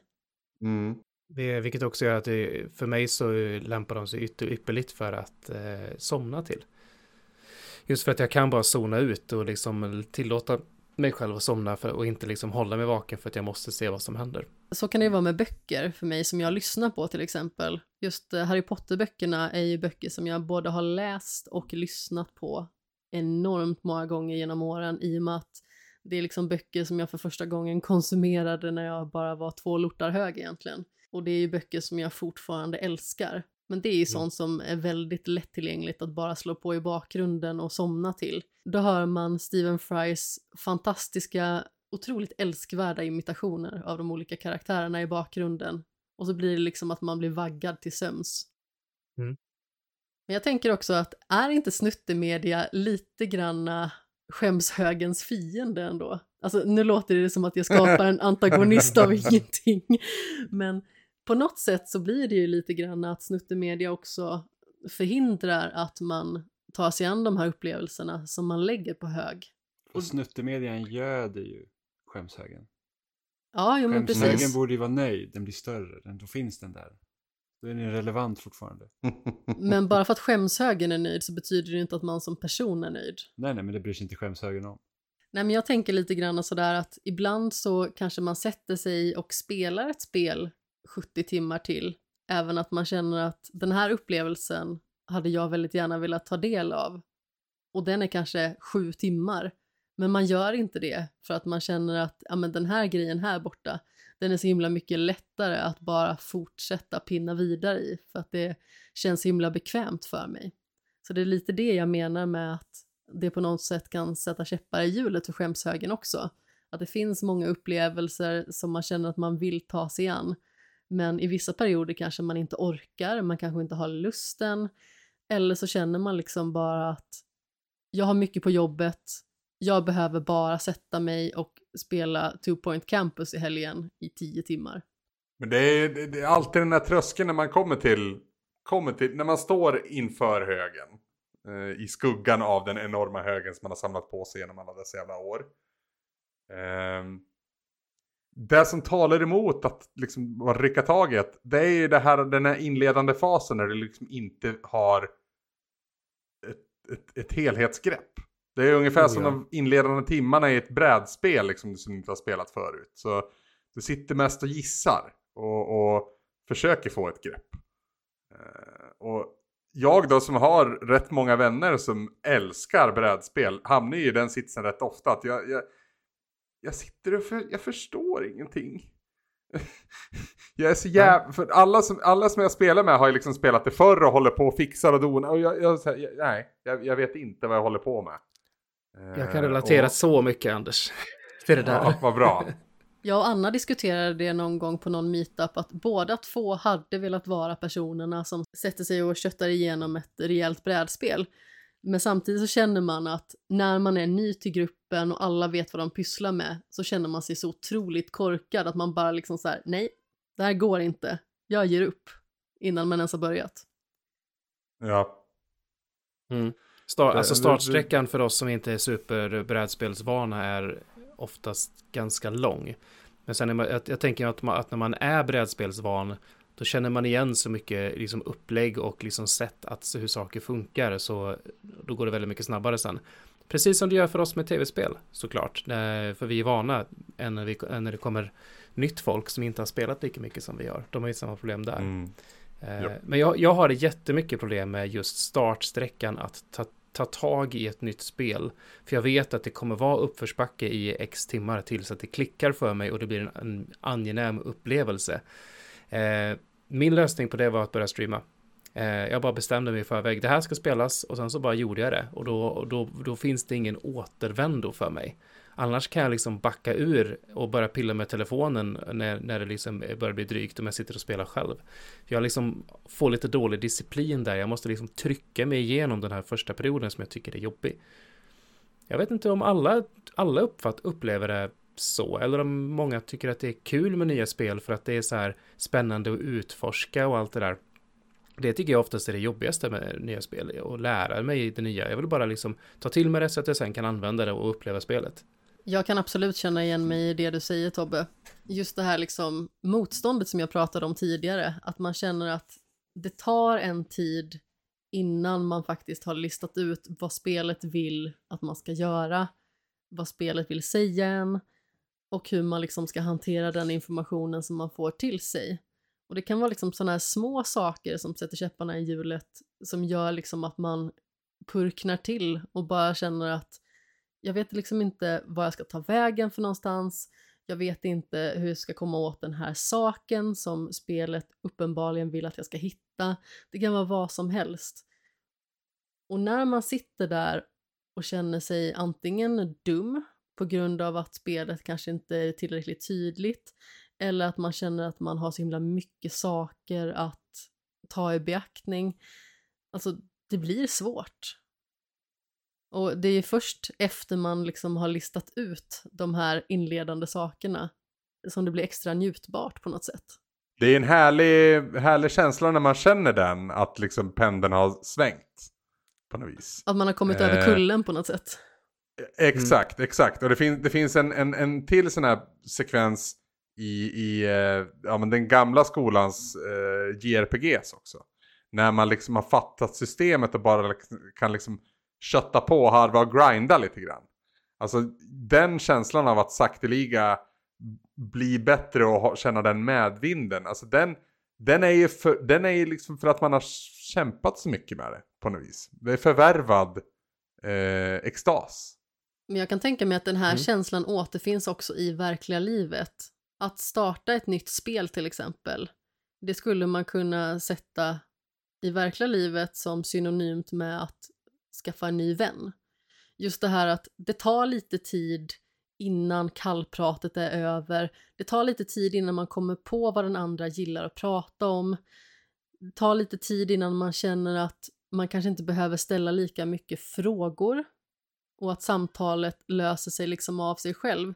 Och det är väl förmodligen därför så många håller kvar i bekanta. Det kanske inte är lika mycket utbyte längre utan att man bara känner att man är så bekväm i varandras sällskap på något sätt. Det, det, det kostar ju energi att, att lära sig nya saker. Och eh, ju äldre vi blir desto eh, känner jag, känner jag i alla fall att man har eh, mindre och mindre av den energin att trycka in i någonting. Så man är ganska selektiv med vad man, eh, vad man väljer att stoppa in sin energi i. Eh, det var annat när man var yngre och hade liksom oändligt med den typen av energi och man kan liksom hoppa in i saker till höger och vänster. Jättetydligt när jag liksom, liksom när jag har barn omkring mig som jag har hemma, liksom, de, de sprudlar ju av precis den nyfikenheten och energin så att, att, att ta till sig vad som helst. Eh, och jag känner mig bara som en gammal hund som inte, som inte går att lära sitta liksom. när, jag, när, jag, när, jag ser, när, jag, när jag jämför med mig själv och liksom den energin jag har. Men jag tänker också att när man kommer upp i en viss ålder så blir man också smärtsamt påmind om hur lite tid man faktiskt har. Och då mm. känner man liksom också att den här sträckan som är svår, den tar en bit av ens tid som man aldrig får tillbaka igen. Om den stunden inte ger en någonting så blir det en ännu större besvikelse än om man kollar på The Office tre avsnitt till och man har sett dem fem gånger redan. Mm. Tycker ni att snuttemedia är en, att det hämmar ens kreativitet? För att man går tillbaka till någonting som är enkelt. Är snuttemedia någonting av ondo eller är det bra? Det handlar väl helt och hållet på hur du, hur du gör. Alltså se det som en ingrediens i någonting du lagar. Liksom, mm. så. Använder du det för mycket så kommer det liksom ta över och bara smaka det. Och det ser vi ju om man... Vi har ju pratat om memberberries eller nostalgirunk mm. om du så vill. Mm. Eh, i, I filmbranschen är det, har det varit väldigt, väldigt förekommande om du frågar mig. Eh, att man liksom säger oj, kolla här är den här karaktären, kommer ni ihåg henne? Mm. Eh, och det är liksom, det är där folk snackar om när man har sett filmen sen. Att ja men den här karaktären var ju med. Ja men var det bra då? Ja, det var sådär men det var ju kul att den var med. Vart har vi hamnat då? Mm. Det är så här, kommer du ihåg den här? Kommer du ihåg den här? Det, det, mm. Nej. Nej. Nej. Men jag tror också det kan vara ganska nyttigt att gå tillbaka till saker som man redan har sett. Liksom omvärdera sig om, upptäcka nya saker med dem. Jag tror inte att det är någon Absolut. fara egentligen. Eh, och speciellt då om man går tillbaka liksom över en längre tid. Att när du blir äldre och liksom, ja, men jag vet inte, får mer erfarenhet, får mer insikter och sen går tillbaka till någonting. Då kan man också vara liksom intressant att se liksom. Man kan också inse att man har växt ifrån det. Ja, så kan det också vara. Mm. Och det här att vi inte behöver jaga det här nya hela tiden. Nej, för att så som vi liksom har i vissa perioder konsumerat spel till exempel, då finns det ju hela tiden en jakt på det senaste, man behöver vara aktuell, man behöver komma med sina färska åsikter så fort som möjligt så att de får nå omvärlden, så att alla vet exakt vad man tycker om det här spelet som släpptes igår. Och det finns ju på sätt och vis en tjusning i det, men det kan också bli väldigt tröttsamt. Och då kan det liksom vara väldigt skönt att bara slå på ett spel som är tio år gammalt som man känner att det här behöver jag inte yttra mig om. Jag kan bara få spela och vara i fred. Jag tror Anders kan relatera till det ganska mycket. Gud ja. Det börjar bli dags att säga godnatt och ja, först och främst ska vi gå ut med hunden. Det kan ju vara den viktigaste grejen som vi behöver göra innan vi säger godnatt, för annars så blir det så himla jobbigt. Så svårt att fira ner henne och få henne att gå ut själv. Fast det blir inte heller toppenpodd om ni först går ut med hunden och sen kommer tillbaka och säger godnatt. Nej. Jag tror att lyssnarna fattar liksom att ni säger godnatt först och sen tar hunden. Ni behöver liksom inte göra det i rätt ordning. 15 minuter tystnad och sen så säger vi godnatt. Ja, precis. Som du inte redigerar heller, utan bara... Mm. Bara låter det rulla. Perfekt. Det vore intressant. Att inte jag har gjort det, det retar mig lite grann. Jag har ändå klippt rätt många poddar sådär. Men du vet, dolda spår på CD-skivor, kommer ni ihåg? Mm. Ja. Undrar hur långt man kan ta det i en podd? Hur lång tystnad innan folk slutar lyssna? Folk kommer ju skrubba igenom det såklart, men det, var- det, var- det, vore, det vore kul. Det, det finns en podd som jag brukar lyssna på där de brukar köra The Pregnant Pause. Där de liksom pausar lite oroväckande länge för att folk ska börja ta upp sina liksom, mobiler och kolla om det är något fel på ljudet. Just det, just det. Det börjar väl bli dags att säga godnatt som tidigare nämnt och eh, vi ska naturligtvis återkomma de närmsta veckorna med både Shame of the Year, det vill säga att vi går igenom det år som har varit och det bästa inom film, tv-serier och spel. Och sedan ganska så kort därefter så kommer vi ju komma med en pepisod inför år 2023 naturligtvis. Och det vi ser fram emot. Men eh, Anders, vart finner man dig för någonstans? Eh, I Gävle. jag är så rolig jämt. Nej, alltså det är svampriket.se framförallt. Eh, Det finns Oj, kontaktvägar där. vet, ja, precis. Men jag vet inte varför man ska hitta mig. Jag försöker jobba på att folk ska glömma bort mig snarare. Jag måste ju bara göra en liten inflikning då som, eh, som är ganska så rolig. Jag ska inte bli alltför långdragen, men det är nämligen så att jag tycker att det är ganska så jobbigt om jag beställer mat någonstans ifrån och de jag beställer av kommer ihåg vad jag vill ha för beställning. För att ofta hittar jag en grej och sen så kör jag jättehårt på den. Och eh, Ja. då sa jag till Jimmy en gång att jag vet inte om jag vill att folk ska komma ihåg mig. Och hans första respons var det är vad som ska stå på din gravsten. Den är stark. Den är stark. Det är den faktiskt. Jag tror, det, jag, tror det, jag tror det är mer i så här, eh, självinsikten man får. Att okej, om de kommer ihåg vad jag, vad, det, vad jag vill ha, då, hur ofta är jag här då? Och vad, och, vad, och vad säger det egentligen? Vill jag vara den personen? Så jag, jag kan relatera. Mm. Någon gång har jag ju bytt rätt, men någon gång har jag också gått till ett annat ställe. Även att det liksom är samma kedja, bara för att slippa konfronteras med den personen som minns vad jag vill äta. Ja, Just det. Just det. Jag vet ju folk som har eh, eh, medvetet gått till olika systembolag för att de inte vill, vill, bli känna, eh, vill, inte vill bli, känna sig dömda. Jag kan ändå förstå det. Om de kanske är där ofta. Jag gillar tydligen att flippa saker när vi sitter här idag. Men jag är ju snarare så att jag skulle vilja ha en, en brunlöv special på stannistället liksom. Där, där de vet att ja, men när jag kommer där är det den jag vill ha. Ja, men jag känner också det, jag förstår inte det här problemet. Det är liksom så här skit, jätteskönt, man kommer dit och bara, ja det är vanliga eller jajamän, och sen så är det klart. Exakt. Och så köter man lite och så, sen är alla nöjda och glada. Ja. Men alltså rent kundservicemässigt så är det ju jätteskickligt att komma ihåg att en person vill ha extra mycket oliver på sin macka. Men jag vet inte, det är någonting i det som gör mig så djupt obekväm och så, så otroligt självmedveten. Jag gillar det inte. Alltså Anders och Jimmy, det ni, det ni beskrev är ju i princip att ni vill leva i, i Cheers-världen. Ja, exakt så. Jag har, jag har mi, Ja. mitt favorithak i, i Gävle har väldigt starka Cheers-vibbar också. Kom, kom, Mm. kom, kom in och häng av dig liksom. Är det bilagan? Nej, det är inte bilagan. Bilagan är en, en, en annan nivå av lök. ja, Jag älskar bilagan.